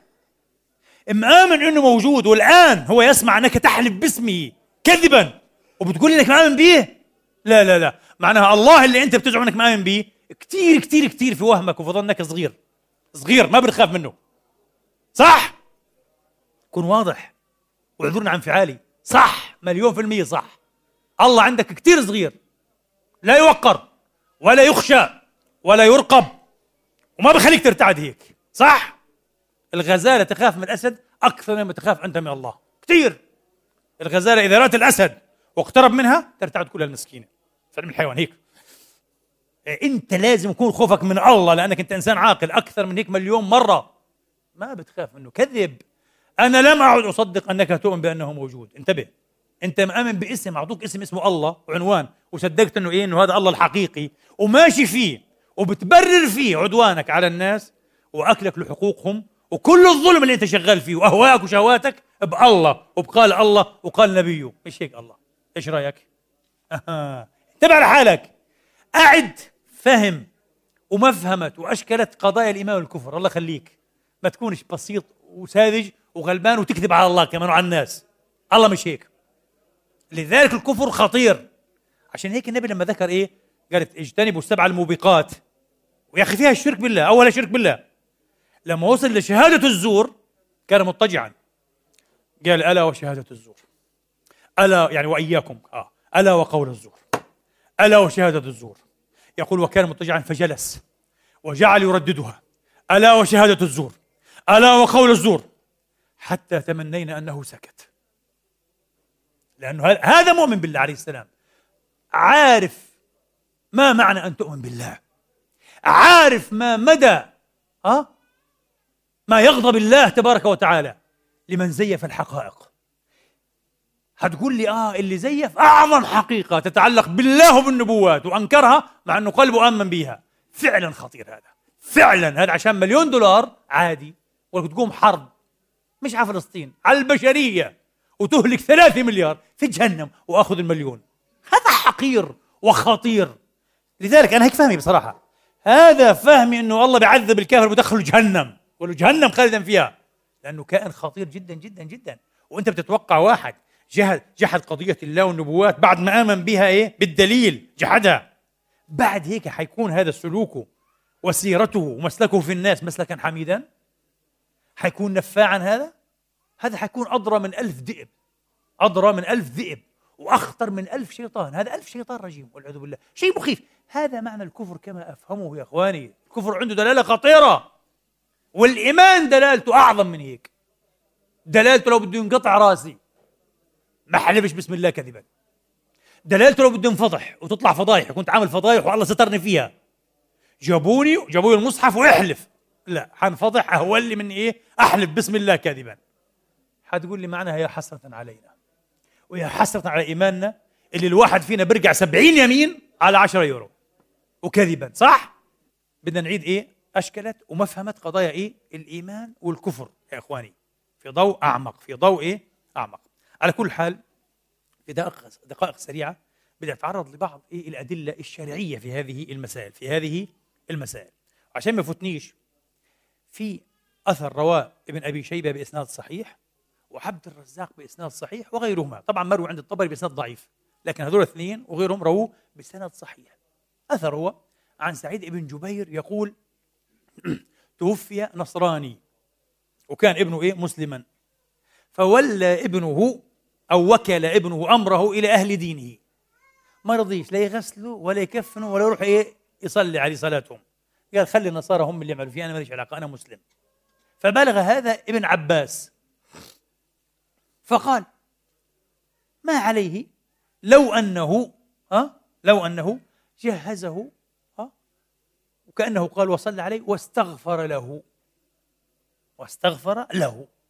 ثم تلا ابن عباس قول الله تعالى وما كان استغفار إبراهيم لأبيه إلا عن موعدة وعدها إياه. يعني استغفر كيف هذا؟ كيف ابن عباس؟ هذا الأثر حيخلينا إيه نفتح مسألة مشهورة جدا في الفقه مسألة الاستغفار للكفار وهي مسألة خلافية ليش؟ لأنه الكلام فيها في فرعين الفرع الأول الاستغفار للكفار الأحياء الذين لم يموتوا على إيه؟ على الكفر هذه مسألة والاستغفار الاستغفار إيه؟ لمن مات إيه؟ كافرا ولم يتب أما من مات كافرا ولم يتب فقد حكى الإجماع غير واحد من العلماء على أنه لا يجوز إيه؟ الاستغفار لمن مات على الكفر واستدلوا بالكتاب والسنة والإجماع أيضا واضح؟ واحد يقول لي طب وكلامك آه نحن نقول نرجع نقول محل النزاع مهم جدا في المسائل العلمية أن نحرر محل النزاع نعرف على إيش مختلفين إحنا إحنا مختلفين على إيه؟ على تعريف الكفر من هو الكافر؟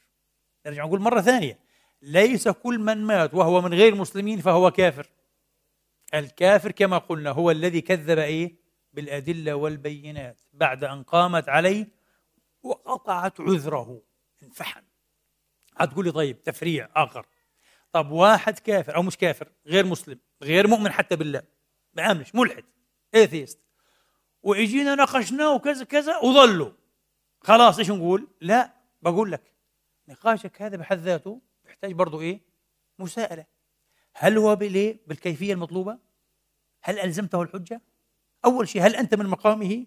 زي ما قلنا ما ينفعش واحد يجي جاهل أو شبه جاهل أو شبه متعلم يناقش لي فيلسوف انسى مهما تفكر حالك ذكي انسى هذول الفلاسفة ناس خطيرين جدا جدا جدا وطريقتهم في التفكير مركبة معقدة بدهم ناس زيهم متخصصين فلاسفة زيهم انتبه انت بتعرف عندك عندك علم اسمه علم الكلام الإسلامي. يعني هذا العلم العقلي اللي بندافع فيه على العقيدة. انت عندك معظم اللي درسوا الفلسفة من شرقيين وغربيين مش كثير بيحترموا هذا العلم. طب ليش؟ لك لأن معظم حججه جدلية وليست برهانية. انت بتشوف آه والله ما شاء الله. جدلي. لو تحط على الميزان ميزان البرهان ما ما بتطلع برهانية. وباختصار إيش البرهان؟ البرهان بتكون مقدماته ماذا؟ يقينية. برمس استبعت بتكون يقينية. أي مقدمة تطرق اليه الشك والارتياب وخرجت عن قيد اليقينية ما بكون إيه هذا برهان. خلص بصير إيش؟ حجة جدلية. وفي طبعا حجج خطابية عاد. هذه اسوء واسوء فانتبه فالقضية خطيرة. لما تناقش إيه؟ عقلا كبيرا فيلسوفا خطيرا عشان هيك لازم يكون في إيش؟ في تخصصات. زي ما في تخصص طب عام ما ينفعش إيه؟ واحد طبيب عام مع احترامنا لكل الاطباء طبعا العامين إيه؟ إن أروح أقدم له إيه؟ ابني لا قدر الله ولا زوجتي وعنده مرض خطير ما يقدرش إيه؟ يتدخل فيه إلا إيش؟ إلا واحد متخصص في الباطنة ومتخصص حتى ضمن الباطنة. يعني في ناس متخصصين مثلا في الكبد. تلاقيه بروفيسور كبير فقط في أمراض الكبد. فقط. واضح؟ ما ينفعش. بدي طبيب عام أنا طبيب يعرف principles المبادئ. بس ما بيعرفش إيش؟ المضايق والملاحج والتفاريع والأشياء الدقيقة التخصصية. كذلك في العلم والفلسفة واللاهوت والدين في لازم يكون تخصصات. ما يجينيش شيخ ولحية وكلام وعم منبر وكذا ويفكر نفسه إنه يعني إيه افهم العالم. عيب نحترم قدر أنفسنا نعرف بالضبط. ناقش فيلسوف كبير بدك أول شيء تكون فيلسوفا مثله صح ولا لا؟ وتستوعب حججه. وإذا عندك شيء تقرع فيه الحجة بالحجة بطريقة فلسفية ورجينا صح ولا لا؟ فعشان هذا كله إيه بنقوله ليش إحنا؟ مش عشان نضعف من شأننا ولا شأن حجتها لا لا لا. عشان نبسط العذر للخلائق. عشان نستعيد إنسانيتنا على فكرة في النظر للبشر. اليوم المسلمون عندهم أزمة نفسية سيكولوجية على فكرة. المسلم بمجرد إنه يشوف حاله هيك بيشوف الدنيا كلها كافرة. صح ولا لا؟ الكافر الكفار. لكن أنا بقول لك المسلم يعاني أيضا. وأنا ذلك المسلم وأنت ذلك المسلم. نعاني. يعانوا من شروخ نفسية من تناقضات. من صراع داخلي. يعني بكون قاعد هيك بسمع عن إيه؟ في التلفزيون أو بقرأ في النت عن الأطباء الكنديين ال 500 500 طبيب و150 طالب طب وموقعين عريضة معترضين فيها بخصوص المرتبات. يا بصير كل يوم هذا كنا لا يا حبيبي ما بصيرش كل يوم يمكن لأول مرة صار. معترضين فيها على زيادة مرتباتهم. أنا بكيت. أنا أقسم بالله بكيت كالطفل الصغير وهذا كان في اللي قرأتها. شعر بدني هيك. مرة ثانية بقرأها رجعت أبكي. وهذا على فكرة بيعمل لك أزمة وجودية. أول شيء بخطر على بالك بتقول هذول كفار. هذول من أهل جهنم حيكونوا في جهنم. وإحنا شيخي هذا اللي بخطب فيه في المنبر وعامل لي حاله. أكل فلوسي. 20000 يورو كان علي. ضحك علي فيهن. وحلف يمين كذب. شيخي! وهذا الطبيب الكندي في كيبك والجماعة اللي معاه 500 موقعين عريضة. قال لك إحنا نرفض الزيادة. اللي أقرتها إيه؟ الحكومة. وصرفت لنا لأنها زيادة باهظة وكبيرة لا نستحقها. ومرتباتنا ممتازة قالوا. وتكفينا. في حين أن المرضى لا إيه؟ يعني يستوفون إيه؟ القيام باحتياجاتهم على النحو إيه؟ الأمثل. ولا حتى طواقم التمريض. قالوا هذا الكلام مش كويس. وبدناش ورافضين. إحنا. ما بدنا الفلوس زيادة. الله أكبر يا أخي. إيش الإنسانية هذه؟ هذا بأمنه. بأمنه على إيه مالي بأمنه على حياتي. مش مستحيل يكون لي هذا. صح؟ مستحيل يظلمني. مستحيل يغشني في العملية هذا أو في العلاج أو في الروشتة. مستحيل. وفعلا مستحيل طبعا. مستحيل. اللي يقول لك لا أنا أرفض الزيادة. ما بستحقها. في غيري احق الله أكبر يا أخي. إيش الأخلاق العالية؟ إيش الإنسانية الفياضة هذه؟ ها؟ هذول في النار. تقعد تعاني أنت. على فكرة الشيخ اللي بيجي بيفتيك هيك ها؟ ومتجهم طبعا وكريم. وما كان استغفار كأنه زلمة متفضل عليك ويعطيك العلم الفياض يعني آه. فخلاص كفار وإياك تناقش. أنت بتعاني عاد. الشيخ بيعانيش هذا قاعد لي في مصر ولا فلسطين ولا في تونس ولا في ماليزيا ما بيعانيش هو. هو قاعد من فوق ما شاء الله آه. بعطي بس فتاوى. أنت بتعاني. اللي بتعيش في النمسا هنا أو بتعيش في كندا أو بتعيش في أستراليا بتعرف ليش؟ كل يوم بمر. في روضة الأطفال في المدرسة في المستشفى في الطريق في الورشة. مواقف إنسانية بتهزك للكفار. بين قوسين للكفار. هم غير مسلمين. يعني كله كفار. ما دام غير مسلم فهو كافر. مواقف إنسانية غير عادية. الرحمة التواضع العطاء الكرم الحنان الشفقة اللي عندهم المساعدة. شيء تهتز أنت. وبتبدأ مباشرة أول سؤال بصير يطن في دماغك. من أهل النار هذا؟ هذا خالد في جهنم؟ واذا قلنا مرة ثانية والشيخ اللي أكلني هذاك من أهل الجنة مع محمد رفيق محمد في الجنة يعني وأنا في الجنة وأنا سراق كذاب أنا. أنا لسه هذيك المرة شهد زور. شهدت زور ضد فلان لأنه إيه؟ فلان عدوه صح صاحبي. فأنا شهدت مع صاحبي ضد الغلبان وديته في أنا في الجنة وهذا في جهنم. الكا بصير عندك أنت إيه؟ فهمت؟ وهذا الصراع بيعيشوه أولادنا على فكرة اللي ولدوا هنا. فهمت علي؟ بيعيشوه مليح مليح مليح. وبيجوا يسألونا إيش حكم بابا وماما؟ إيش حكم هذول المدرس تبعي بحبه كثير أو المدرسة لطيفة جدا جدا وبتساعدهم وبتعمل له كذا إيش حكمها؟ وعملت هيك وهيك وهيك وهيك. فصول من الإنسانية واضح؟ الغامرة. فنرجع مرة ثانية الحمد لله. لك بالنسبة لي كمسلم والله بفضل الله. من سنوات بعيدة والله ما عندنا أي معاناة. أنا بالنسبة لي ابدا القضية محلولة عندي تماما تماما. حلها لي أمثال الإمام الغزالي قدس الله سره هو وأمثاله. والقرآن حلها لي من زمان كمان فهمنا. مش هذا الكافر. الكافر اللي بيعاند وبيجحد وبكابر هذا كافر. هذول ما كفروا مساكين. صح ولا لا؟ اثنين زي ما قلنا. هذول لا هذول سمعوا بالإسلام. قال تعالى ألم نعمركم ما يتذكر فيه من تذكر؟ طب كم بالآية من فاضل؟ وجاءكم النذير. راح تقول لك ستيفن هوكينج هو بعظمة لسانه. إذا فيها عظم هو اللي قال أنا من بعد الحادية والعشرين اعتبرت حياتي مكافأة. صح؟ يعني كأنه إيه؟ حياته هذه خلص هو كان المفروض يموت إيه بعد سنتين من تشخيص المرض. عاش بعدها 55 سنة. تخيل؟ مكافأة قال هذه. جميل. هو بعظمة لسانه اعترف أنه حياتي هذه مكافأة. فالآن نحن إيه؟ نتلو فيه قول الله. ألم تعمر يا هوكينج؟ ها؟ ما يتذكر فيه من تذكر؟ بيجي بنقول الجواب كمل الآية؟ وجاءكم النذير. هل جاءه النذير؟ هل قامت عليه الحجة؟ وعلى فكرة مرة ثانية استحضروا باستمرار الفرق الهائل بين حجة أقيمها أنا أو تقيمها أنت أو هي أو هو من البشر والله أعلم بعيوبنا مش بس العقلية أو الحجاجية ويمكن حتى المسلكية مزبوط وعيوب أمتنا اليوم وعيوب وضعنا كمسلمين الله أعلم بها عز وجل. بتنفر كثيرة بتنفر كثير كثير. يعني قبل 100 سنة أكثر من 100 سنة جمال الدين الأفغاني رحمة الله المصلح الإسلامي الكبير الشهير عارف إيش قال؟ قال إحنا عشان نقنع الغرب بالإسلام أمامنا طريق واحد نفهمه أننا غير مسلمين. شوف الرجل فهم القضية كلها. قال مستحيل وإحنا حالتنا زي هيك انه هذول يحترموا ديننا. هيقول لك أي دين؟ تحدث عن أي دين؟ أنتوا ناس حياتكم غلب. صح ولا لا؟ الاستبداد عندكم صح؟ الظلم عندكم. السجون آه؟ مسح حقوق الإنسان اغتيال أدمية البشر الفقر الشحاذة الوساخة الكذب النفاق الحلف الكاذب بالله صح ولا لا؟ خلاف المواعيد التخلف الحضاري كل الغلب كله عندكم. جاي تقول لي أنا أحسن دين وخاتم الأديان ورحمة للعالمين. العب غيرها صح؟ مش حيقتنع المسكين هذا. وصرنا فتنة طبعا أعظم آلاف المرات من فتنة معاذ إيه؟ لمن طول فيهم الصلاة. فاذا يا إخواني قال تعالى ما كان للنبي والذين آمنوا أن يستغفروا للمشركين ولو كانوا أولي قربى من بعد ما تبين لهم أنهم أصحاب الجحيم. ليش ما قرأناش هذه الآية في سورتها وفي سياقها؟ هي سورة إيش؟ التوبة صح؟ سورة التوبة من أولها حتى فيش فيها بسملة. براءة من الله ورسوله. من أولها. وفيها آية السيف اللي بسموها آية السيف مش عارفينها وين هي؟ آه كم رقمها؟ مش عارفين هم. بس قال لك فيها آية السيف اللي نسخت كذا وكذا آية. آه سورة كلها وطبعا فيها إيه صراع مع الكفار ومع مين؟ ومع المنافقين صح؟ آية كلها أجواء حربية متى نزلت التوبة؟ وهي من أواخر السور نزولا نزلت بعد إيه؟ العسرة بعد تبوك صح؟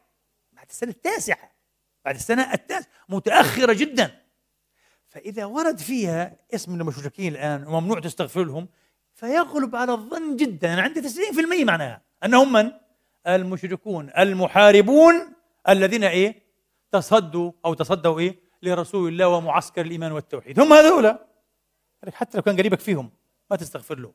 يعني هذا مشرك مش بس عند وكابر وجحد وقاتل وأراد استئصال شأفتك وإبادة خضرائك. تستغفر له ليش؟ صح ولا لا؟ هذا جهنم فعلا. جهنم تأخذه. هذا راح فيها. آه. هذا هو. حتقول لي أقيمت عليه الحجة؟ كيف ما أقيمت؟ إيش؟ الكلام هذا في حياة النبي. ما كان إيه للنبي. طبعا هو أبو إقامة الحجة رسول الله. في أذكى منه؟ في أفصح منه؟ في أعرب منه عن إيه؟ عن حجج الله وبيناته؟ ولا أحد. أبدا. خاتم الأنبياء والمرسلين عمل هيك وما فيش فايدة. راكبين رؤوسهم. هذول ممنوع طبعا. وعشان هيك تبين لهم إيه؟ أنهم أصحاب الجحيم. طب بالله عليكم القيد هذا مهم ولا مش مهم؟ يعني الله ممكن كان يقول إيش؟ ما كان النبي أن يستغفروا للمشركين. وخلاص. خر أي مشرك. لكن لما قال لك من بعد ما تبين لهم أنهم أصحاب الجحيم هذا القيد أفاد إيش؟ أنه ممكن يكون مشرك ممكن يوجد مشرك ويستغفر له. يعني ممكن يكون مشرك وتطاله إيه؟ الرحمة. تناله رحمة الله. مين هذا المشرك؟ اللي إيه؟ مش سابق في علم الله أنه من أصحاب الجحيم. طب ليش؟ لم تقم عليه الحجة. قال تعالى وما كنا معذبين حتى نبعث رسولا. قال إمامنا الجلال هذا التفكير المنظم خلي تفكيرك منظم انتبه في ناس حرام بيسمع حجه بيقتنع بها بيجي واحد بأي ثاني بيقول لك والله مزبوط ما الله قال الكفار إنه والله لا يغفر أن يشرك به. رتب لي مخك. صح ولا لا؟ أرهق نفسك شوية رتب مخك. خذ القرآن كله إيه منظومة واحدة. قرآن يصادق بعضه بعضا. ويصدق بعضه بعضا ولا يكذب بعضه بعضا.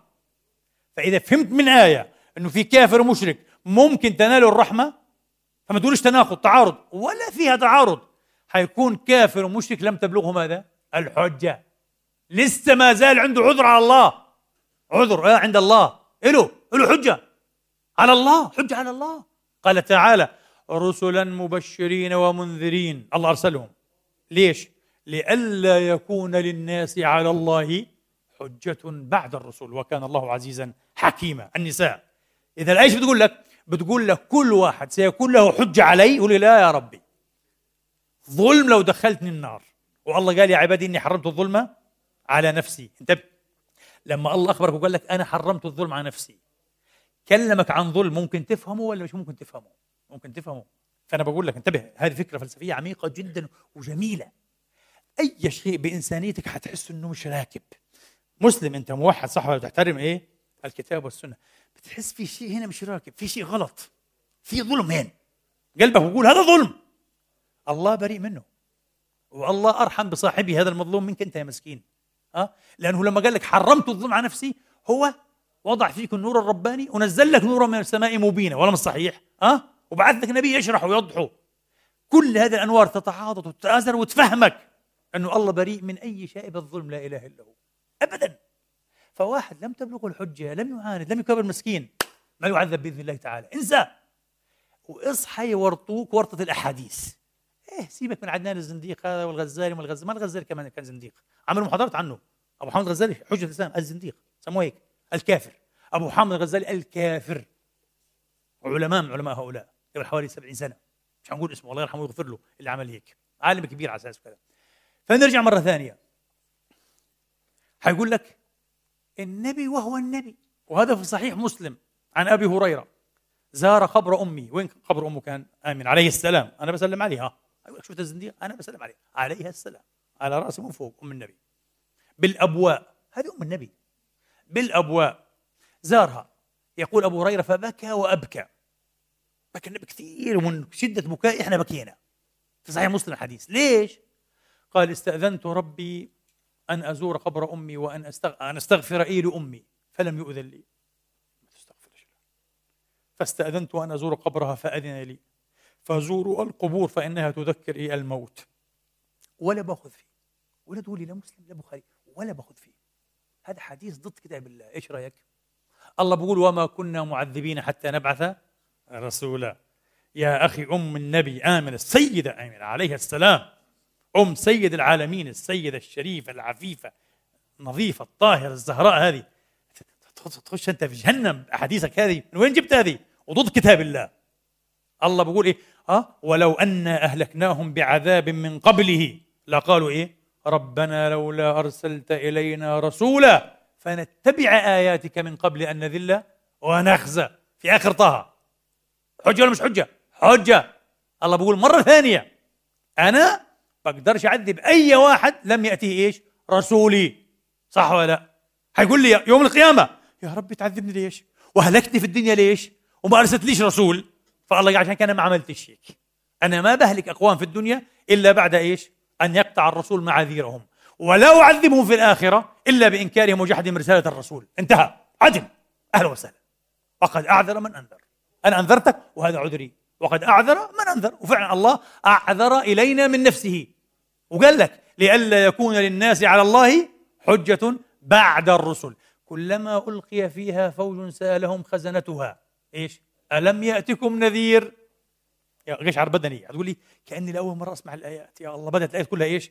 تتضافر تتصادق مع بعضها. طيور آيات طيور هاي بتطير هاي كلها. تعمل سرب وأحد. يقول لك أبعد. أنا أبعد منك أنت يا من إيه؟ استشعر قلبه الرحمة والشفقة على ناس مساكين غلابة أنا أوسع رحمة منك بما لا قياس معه ما تخافش. وآياتي بتقول هيك ما حدا حيخش النار إلا من إيه لزمته الحب واضح؟ كلما ألقي فيها فوج سألهم خزنتها ألم يأتكم نذير؟ قالوا بلى قد جاءنا نذير. فكذبنا كذبنا النذير. جحدنا كبرنا فانتظنا هيك. آه فكذبنا. صحيح. قلنا ما نزل الله إيه؟ من شيء إن أنتم إلا في ضلال مبين. فاعترفوا بذنبهم. معناها لا يعذب إلا مذنب. ولا مذنب إلا إيه؟ من إيه؟ لزمته الحجة. قرآن. أنا صحيح وسيق الذين كفروا. نضل لبكره نجيب الآيات. الموضوع ما بينتهيش. وسيق الذين كفروا إلى إيه؟ جهنم زمرا. حتى إذا جاءوها فتحت أبوابها وقال لهم خزنتها ألم يأتكم رسل منكم يتلون عليكم آيات ربكم وينذرونكم لقاء يومكم هذا. قالوا بلى. ولكن حقت كلمة إيه؟ عذاب على الكافرين. قيل ادخلوا أبواب جهنم. ومثلها قريب منها في الأنعام. أه يا معشر الجن والإنس ألم يأتكم رسل منكم يقصون عليكم آياتي وينذرونكم لقاء يومكم هذا؟ قالوا بلى. شهدنا على أنفسنا. وشهدوا على أنفسهم أنهم كانوا آيات كثيرة. ليش أنت غاض الطرف عنها كل هذه؟ تقول كافر. مات كافر. كافر إيش؟ مش كافر. هذا مات على غير الإسلام. الله أعلم به. آه. الله أعلم به. علشان هيك النبي عليه السلام في حديث آخر مثل هذا الحديث مبدئيا له مقبولية. وقبله جماعة من العلماء وقالوا به. إيش رأيك؟ لذا كان قبل أن أقول لكم الحديث برجع بكمل كلمة إمامنا السيوطي الجلال السيوطي قال الإمام العلامة جلال الدين عبد الرحمن السيوطي رحمة الله تعالى عليه. قال جماهير العلماء من الأصوليين وأهل الكلام. علماء أصول الفقه وعلماء إيش؟ العقيدة علماء الكلام. أه؟ ومن الفقهاء الشافعية. يعني قال علماء الكلام جماهيرهم مش كلهم ما فيش إجماع بس جماهيرهم أكثرهم لأن الماتريدية غير بصراحة. آه. لكن جماهيرهم هذول بتكون أشاعرة أه؟ واللي زيهم. ومن علماء أصول الفقه ومن الفقهاء الشافعية. فكأنه يشير انه هذا إيه؟ مش مذهب الحنفية صح مذهب الحنفية؟ للأسف غير. مالهم؟ على أن من مات في الفترة. إيش هي الفترة؟ الفترة بإجماعهم انقطاع ما بين إيه؟ رسولين. كالفترة بين عيسى ومحمد. يعني عيسى بعث إلى بني إسرائيل. ولم صحيح؟ آه. ولم يدرك؟ ولم تبلغ حتى رسالته ولم يكلف بها إيه؟ أعراب العرب مثلا. العرب عموما تبعون جزيرة. بدليل قوله تعالى لتنذر قوما يا محمد ما أتاهم من قبلك من نذير. ولا مش صحيح؟ أها. معناها عيسى مش إلهم. ما تقوليش عيسى مش إلهم. الله قال مش إلهم. ولا مش صحيح؟ طب الناس الذين لم يدركوا محمدا وآبائهم لم يأتهم نذير. هذول أهل الفترة بسموها إذا الفترة هي انقطاع ما بين إيش؟ رسولين. أناس عاشوا بين إيه مثلا؟ عيسى ومحمد. لا عيسى إيه أدركوا ولا أدركوا أيضا إيه؟ محمدا. عاشوا هيك هذول. هذول قال السيوطي عن الناس اللي ذكرهم جماهير الكلام جماهير المتكلمين والأصوليين ومن الفقهاء الشافعية قالوا لا عذاب عليهم بحول الله تعالى. مش هيك وبس. في عندك حديث آخر. قال لك لما محمد بعث في ناس كانوا كبار في السن 90 سنة. في لما محمد بعث في ناس كبار في السن 90 سنة ومخهم. ما كانوا يعرفوا ألزهايمر وكذا. أكيد ألزهايمر كلهم أكل. هذول وفي كان ناس إيه؟ صم. بسمعوش وما كانش في ايامها لغة إبريل ولا غيره ولا بيعرفوا حاجة. أصم زي الهبل هيك ومعظم الصم خرس ولا صحيح؟ بكم بقولوا لأنه ما بسمعش ما فهم حاجة ولا يعرف حاجة. وشاف أبو جهل بنتف في شعره وشاف ولا فاهم إيش اللي صاير. ما إيه. وفي ناس هبل. يعني ما عاتيه شوية. اسمه الأحمق. يعني الناس الأهبل أهبل برموه هيك. مش مجنون بس أهبل. عقله ضعيف. هذا ما يفهم الحجة. شو تفهم الحجة؟ حجة إيش؟ أهبل هذا وفي صغار. بموتوا صغار في المهد هيك هذول الناس كلهم برضو لما محمد بعث كانوا إيه؟ موجودين. صح ولا لا؟ على جهنم؟ ولذلك روى الأئمة غير إمام. وفي أكثر من إمام صح هذه الأحاديث وأخذ بها. عن الأسود ابن سريع الصحابي الجليل رضوان الله عليهم أجمعين. قال صلى الله عليه وسلم يأتي يوم القيامة رجل أصم ورجل هرم ورجل أحمق وأعتقد هذا إيه ورجل مات في الفترة. ما أدركش النبي. يحجون عن أنفسهم. جهنم تزفر زفر قاعد وحكاية بتخوف. فيقول إيه؟ الأصم يا ربي لقد بعث رسولك وما أعقل شيء لا أسمع شيئا. ما عرفت إيش قال ولا ماذا قال ولا ماذا قيل له. يقول له خليك على جنب. يقول له الأحمق يا ربي أدركت رسولك والناس يرمونني إيه؟ الصغار قال له يرمونني إيه؟ بالبعر وبالحجارة. لا هبل راح لا هبل قال له أنا هبل كنت. آه. يعني سمعت إنه الرسول بس مش فاهم القصة. أنا أهبل أحمق. واحد يعني أحمق. والهرم يقول له يا ربي أدركت رسولك وأنا هرم لا أعقل شيئا. مخي مهوي قال له. كنت أنا. والرابع يقول له يا ربي وأنا مت إيه؟ في الفترة. ما أدركتش رسولك. ودي على جهنم. على طريقة إخواننا هذول اليوم ما شاء الله عليهم. اجرم جرم.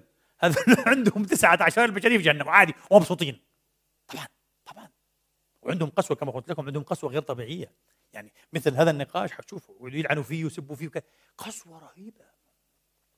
يا بتكون زينة يا إحنا بدنا نضل إيه سعيدين يدخلوا أكبر عدد في جهنم وعندهم سعادة هيك يعني بينبسطوا أعوذ بالله. فيش عندهم أي شيء من الأواهية الإبراهيمية ها؟ الأواهية الإبراهيمية هم إيه؟ صفر فيها. ماخذين صفر في امتحان الأواهية هذه. بتوجعوش على الناس بالمرة. فايش النبي قال لنا قال لنا الله بقول لهم طيب أنا كنت ارسلت إيه إلى عبادي إيه رسلا من أنفسهم فمنهم من آمن ومنهم من كفر. لو أمرتكم تطيعوني؟ قالوا نعم يا رب. فيأمر إيه؟ جهنم. فيندلق منها هيك شيء زي فرع زي إيد هيك تطلع. فيقول لهم ألقوا أنفسكم فيها. فمنهم من يلقي. خلص الله قال شو؟ مالك الحياة ومالك الدنيا والآخرة ومالك يوم الدين. هو قال ألقي. طب ما في ناس في الدنيا إيه حط حاله فم الموت. صح ولا لا؟ يجاهد في سبيل الله. الله بده هيك خلاص ما فيش مشكلة. الله قال لك حط ارمي حالي إيش هي وفي لا يا ربي نحن عنها نجادل. فيقول لهم إيه كنت أعلم أنكم لن تطيعون. يعني أنتم هيك. فكأنه الاختبارات إن صح هذا إن صح وانه هذا النبي قال الحديث. هذا أخذ به ابن تيمية وابن القيم والشيخ الشنقيطي ومجموعة من علماء الأشاعرة. وحتى أبو الحسن الأشعري حكاه عن أهل السنة والجماعة. إيش رأيك؟ في مقالات الإسلاميين رحمة الله عليه إمامنا أبو الحسن الأشعري قال لك هذا إيه؟ رأي أهل السنة والجماعة. إنه إيه؟ أمثال هؤلاء يمتحنون في العرصات. اسمه هذا إيش؟ الامتحان في العرصات. فالسؤال الآن السؤال الآن. ليش الامتحان في العرصات والقضية محسومة؟ مش مسلم على جهنم. غير صحيح. غير صحيح. قضية مش هيك محسومة. أبدا. محسومة كما وبما حسمها القرآن الكريم. من لزمته الحجة وعند وكابر هذا الكافر في جهنم. أما من لم تصله الحجة أو وصلته مشوهة المهم بطريقة أو بأخرى لم تلزمه الحجة ولم ينقطع عذره. يبقى له عند الله ماذا؟ عذر. ونكل أمره إلى الله. وإن مات استغفرنا الله له. قل يا رب اغفر له. يا رب ارحمه. يا رب نجيها المسكين هذا الغلبان. آه ما أعرفك هو كذا. ولا صحيح؟ آه. وهذا مش تألي على الله ومش إخبار أن الله فعل. أو سيفعل أبدا أبدا هذا رجاء وضراعة ندعو من الله أن الله يكمل صح ولا لا أنا بصراحة لو يطلع بيدي أنا أرجو من الله وأطلب من الله أن يدخل عباده كلهم جنات النعيم إلا الشياطين طبعا أه؟ وإلا من كفر فعلا كفر عناد وكبر وجحود أه؟ وأيضا إلا من إلا من يعني تأداه كفره وعناده وجحوده إلى تعذيب البشر جابوا الويلات علينا والعذابات للناس والبشرية. الموضوع طويل يا إخوان ما حبيت ادخل معاكم في أشياء مع إني كنت محضر نفسي بصراحة أتكلم بطريقة تخصصية. نتكلم عن الآيات وأسباب نزولها وما ذكر في أسباب النزول والأحاديث اللي قالوها ومش عارف إيه. قصة طويلة. وبعدين إيه موعده إبراهيم لأبيه؟ مين اللي وعد مين؟ إبراهيم وعد أبوه ولا أبوه وعد إبراهيم أن يؤمن؟ قصة كبيرة جدا جدا. وحل الخلاف بين هذه الآية وبين استغفر لهم استغفر سبعين مرة وهل هذه نسخت هذه؟ ولا لا؟ هذا إيه؟ قيدت هذه أو هذه إيه؟ تخصص بالوقت بالتوقيت. كلام كثير. حلو لو قلناه يعني حتستفيدوا شيء. ولكن في الأخير أنا أعطيتكم تقريبا الخلاصة والزبدة وحررنا لكم محل النزاع. لا بأس علي ولا عليكم. من مثل قوله تبارك وتعالى إن الله لا يغفر أن يشرك به ويغفر ما دون ذلك الآخرين. أه؟ هذا لا يؤخذ على إيه؟ إطلاقه. هذا مقيد بمن؟ أه؟ بمن مات مشركا أو كافرا بعد إيه؟ بلوغ الحجة. من وين جبنا هذا؟ من القرآن نفسه. وجبنا لكم الآيات تك تك والله صحيح. هذا الفهم النظامي الدقيق. الفهم النظامي إيه؟ الدقيق. أما من لم تبلغه الحجة أو لم يسمع بالرسالة أصلا وهو يقول وطبعا حيحتج عليك. هو الذي خلقكم فمنكم إيه؟ كافر ومنكم مؤمن. طب هو من قال لك أنه هذه إيه؟ القسمة حاصرة؟ في هيك ناس ما عندهاش حتى تقول مبادئ المنطق مش دارس حتى أي شيء في علم المنطق. ومين قال لك إنه لما الله قال إيه؟ منكم كافر ومنكم مؤمن إنه بس وخلاص الناس مؤمن كافر. لا. لا. في ناس لا مؤمن ولا كافر. في ناس لا أدريين اجنوستيك مش عارف ما بعرفش بصراحة. هتقول لي هذا من عندك أنا ما أعترفش به بس مش هذا الواقع؟ هل ممكن القرآن يأتي بشيء يهدمه الواقع؟ مستحيل لأنه من عند الله. بس أنا عشان إيه يعني برضه إيه أقطع عذرك؟ أنا بقول لك لا. حتى قرانيا القرآن دل على أن هذه القسمة غير حاصرة. موجودة. الناس منها مؤمن ومنها إيه كافر. وهذا لا يعني أنه في شيء قسمة ثالثة رابعة خامسة يمكن. في. القرآن قال في قسمة ثالثة كمان. مين هي؟ هم للكفر يومئذ أقرب منهم للإيمان. مذبذبين بين ذلك. لا إلى هؤلاء ولا إلى هؤلاء. الله قال في منافقين. لا هم مؤمنون ولا هم كافرون. إيش رأيك؟ بين البينين. بين الضفتين. ومرة بكون أقرب للإيمان ومش مؤمن كامل. ولا خالي من شوب الشرك والكفر. آه؟ ومرة بكون أقرب إيه؟ للكفر. ونبيك الأزهر الطيب المبارك الأبر صلوات ربي وتسليماته عليه وآله قال كمان آه؟ القلوب أربعة. وذكر منها إيش عاد إيش؟ وقلب فيه إيمان وفيه نفاق. فمثله كمثل ماذا؟ القرحة يمدها الدم ويمدها ماذا؟ القيح. وأيهما غلب غلب. شوف شوف شوف الفهم النبوي ومؤسس على كتاب الله. هم للكفر يومئذ أقرب منهم للإيمان. قال لك في ناس لا مؤمن ولا كافر. وسط جاي. ينوس تعرف النواس هذا؟ ينوس بين إيه؟ الضفتين. ينوس بين الفريقين. ومرة بصير أقرب لهذول وبتعد عن هذول ومرة برجع بصير أقرب إيه؟ عشان القرآن الكريم لما ذكر المنافقين في أول سورة البقرة ها؟ آه بتعرفوا إيش؟ مثال إيه؟ المائي والمثال الناري ولا صحيح. كصيب من السماء فيه ظلمات ونور نفس الشيء. لما يجي الخير آه. لما يجي شر ولك بطلت بتشائم ولا صحيح. مثل المنافقين من قوم موسى برضه تصيبهم حسنة بحبوا موسى كذا تصيبهم سيئة بتشائموا موسى إيه؟ يطير موسى ومن معه في الأعراف ولا صحيح. وعندنا إيه؟ برضه في منافقين إيه؟ أمة محمد من اللي كانوا حول رسول الله. والقرآن أخبر عنهم بقوله إيش؟ عاد وأن تصبهم حسنه يقول هذه من عند الله. وإن تصبهم سيئة يقول هذه من عندك. بسبب محمد زي ما هذول يطيروا بموسى ومن معه. الله قال. إيش الله قال؟ قل كل من عند الله. فما لهؤلاء القوم لا يكادون يفقهون حديثا ما أصابك من حسنة فمن الله وما أصابك من سيئة نفسك وأرسلناك للناس رسولا آيات عجيبة وغريبة ونظمها جميل جدا جدا. بس كانوا في ناس هيك لا هم مؤمنين ولا هم كافرين. ينوسون رايح جاي. وفي ناس زي هيك لكن بنوسش. واقف لك في النص. مثل حمار إيه؟ المختار بيقولوا له. أو حمار العقبة. وقف زي حمار العقبة. أعزكم الله. طب يا أخي تحرك لك والله ما بعرف. بشوف الأدلة هيك بلاقي في أدلة على الله وعلى الدين وكذا بطمئن. بطلع بقرأ كلام الملاحي ده برجع بشك. أنا اجنوستك بطلت اعرف في ولا في شيء. هذه قسمه موجودة. أقول قولي هذا واستغفر الله لي ولكم وأقم الصلاة.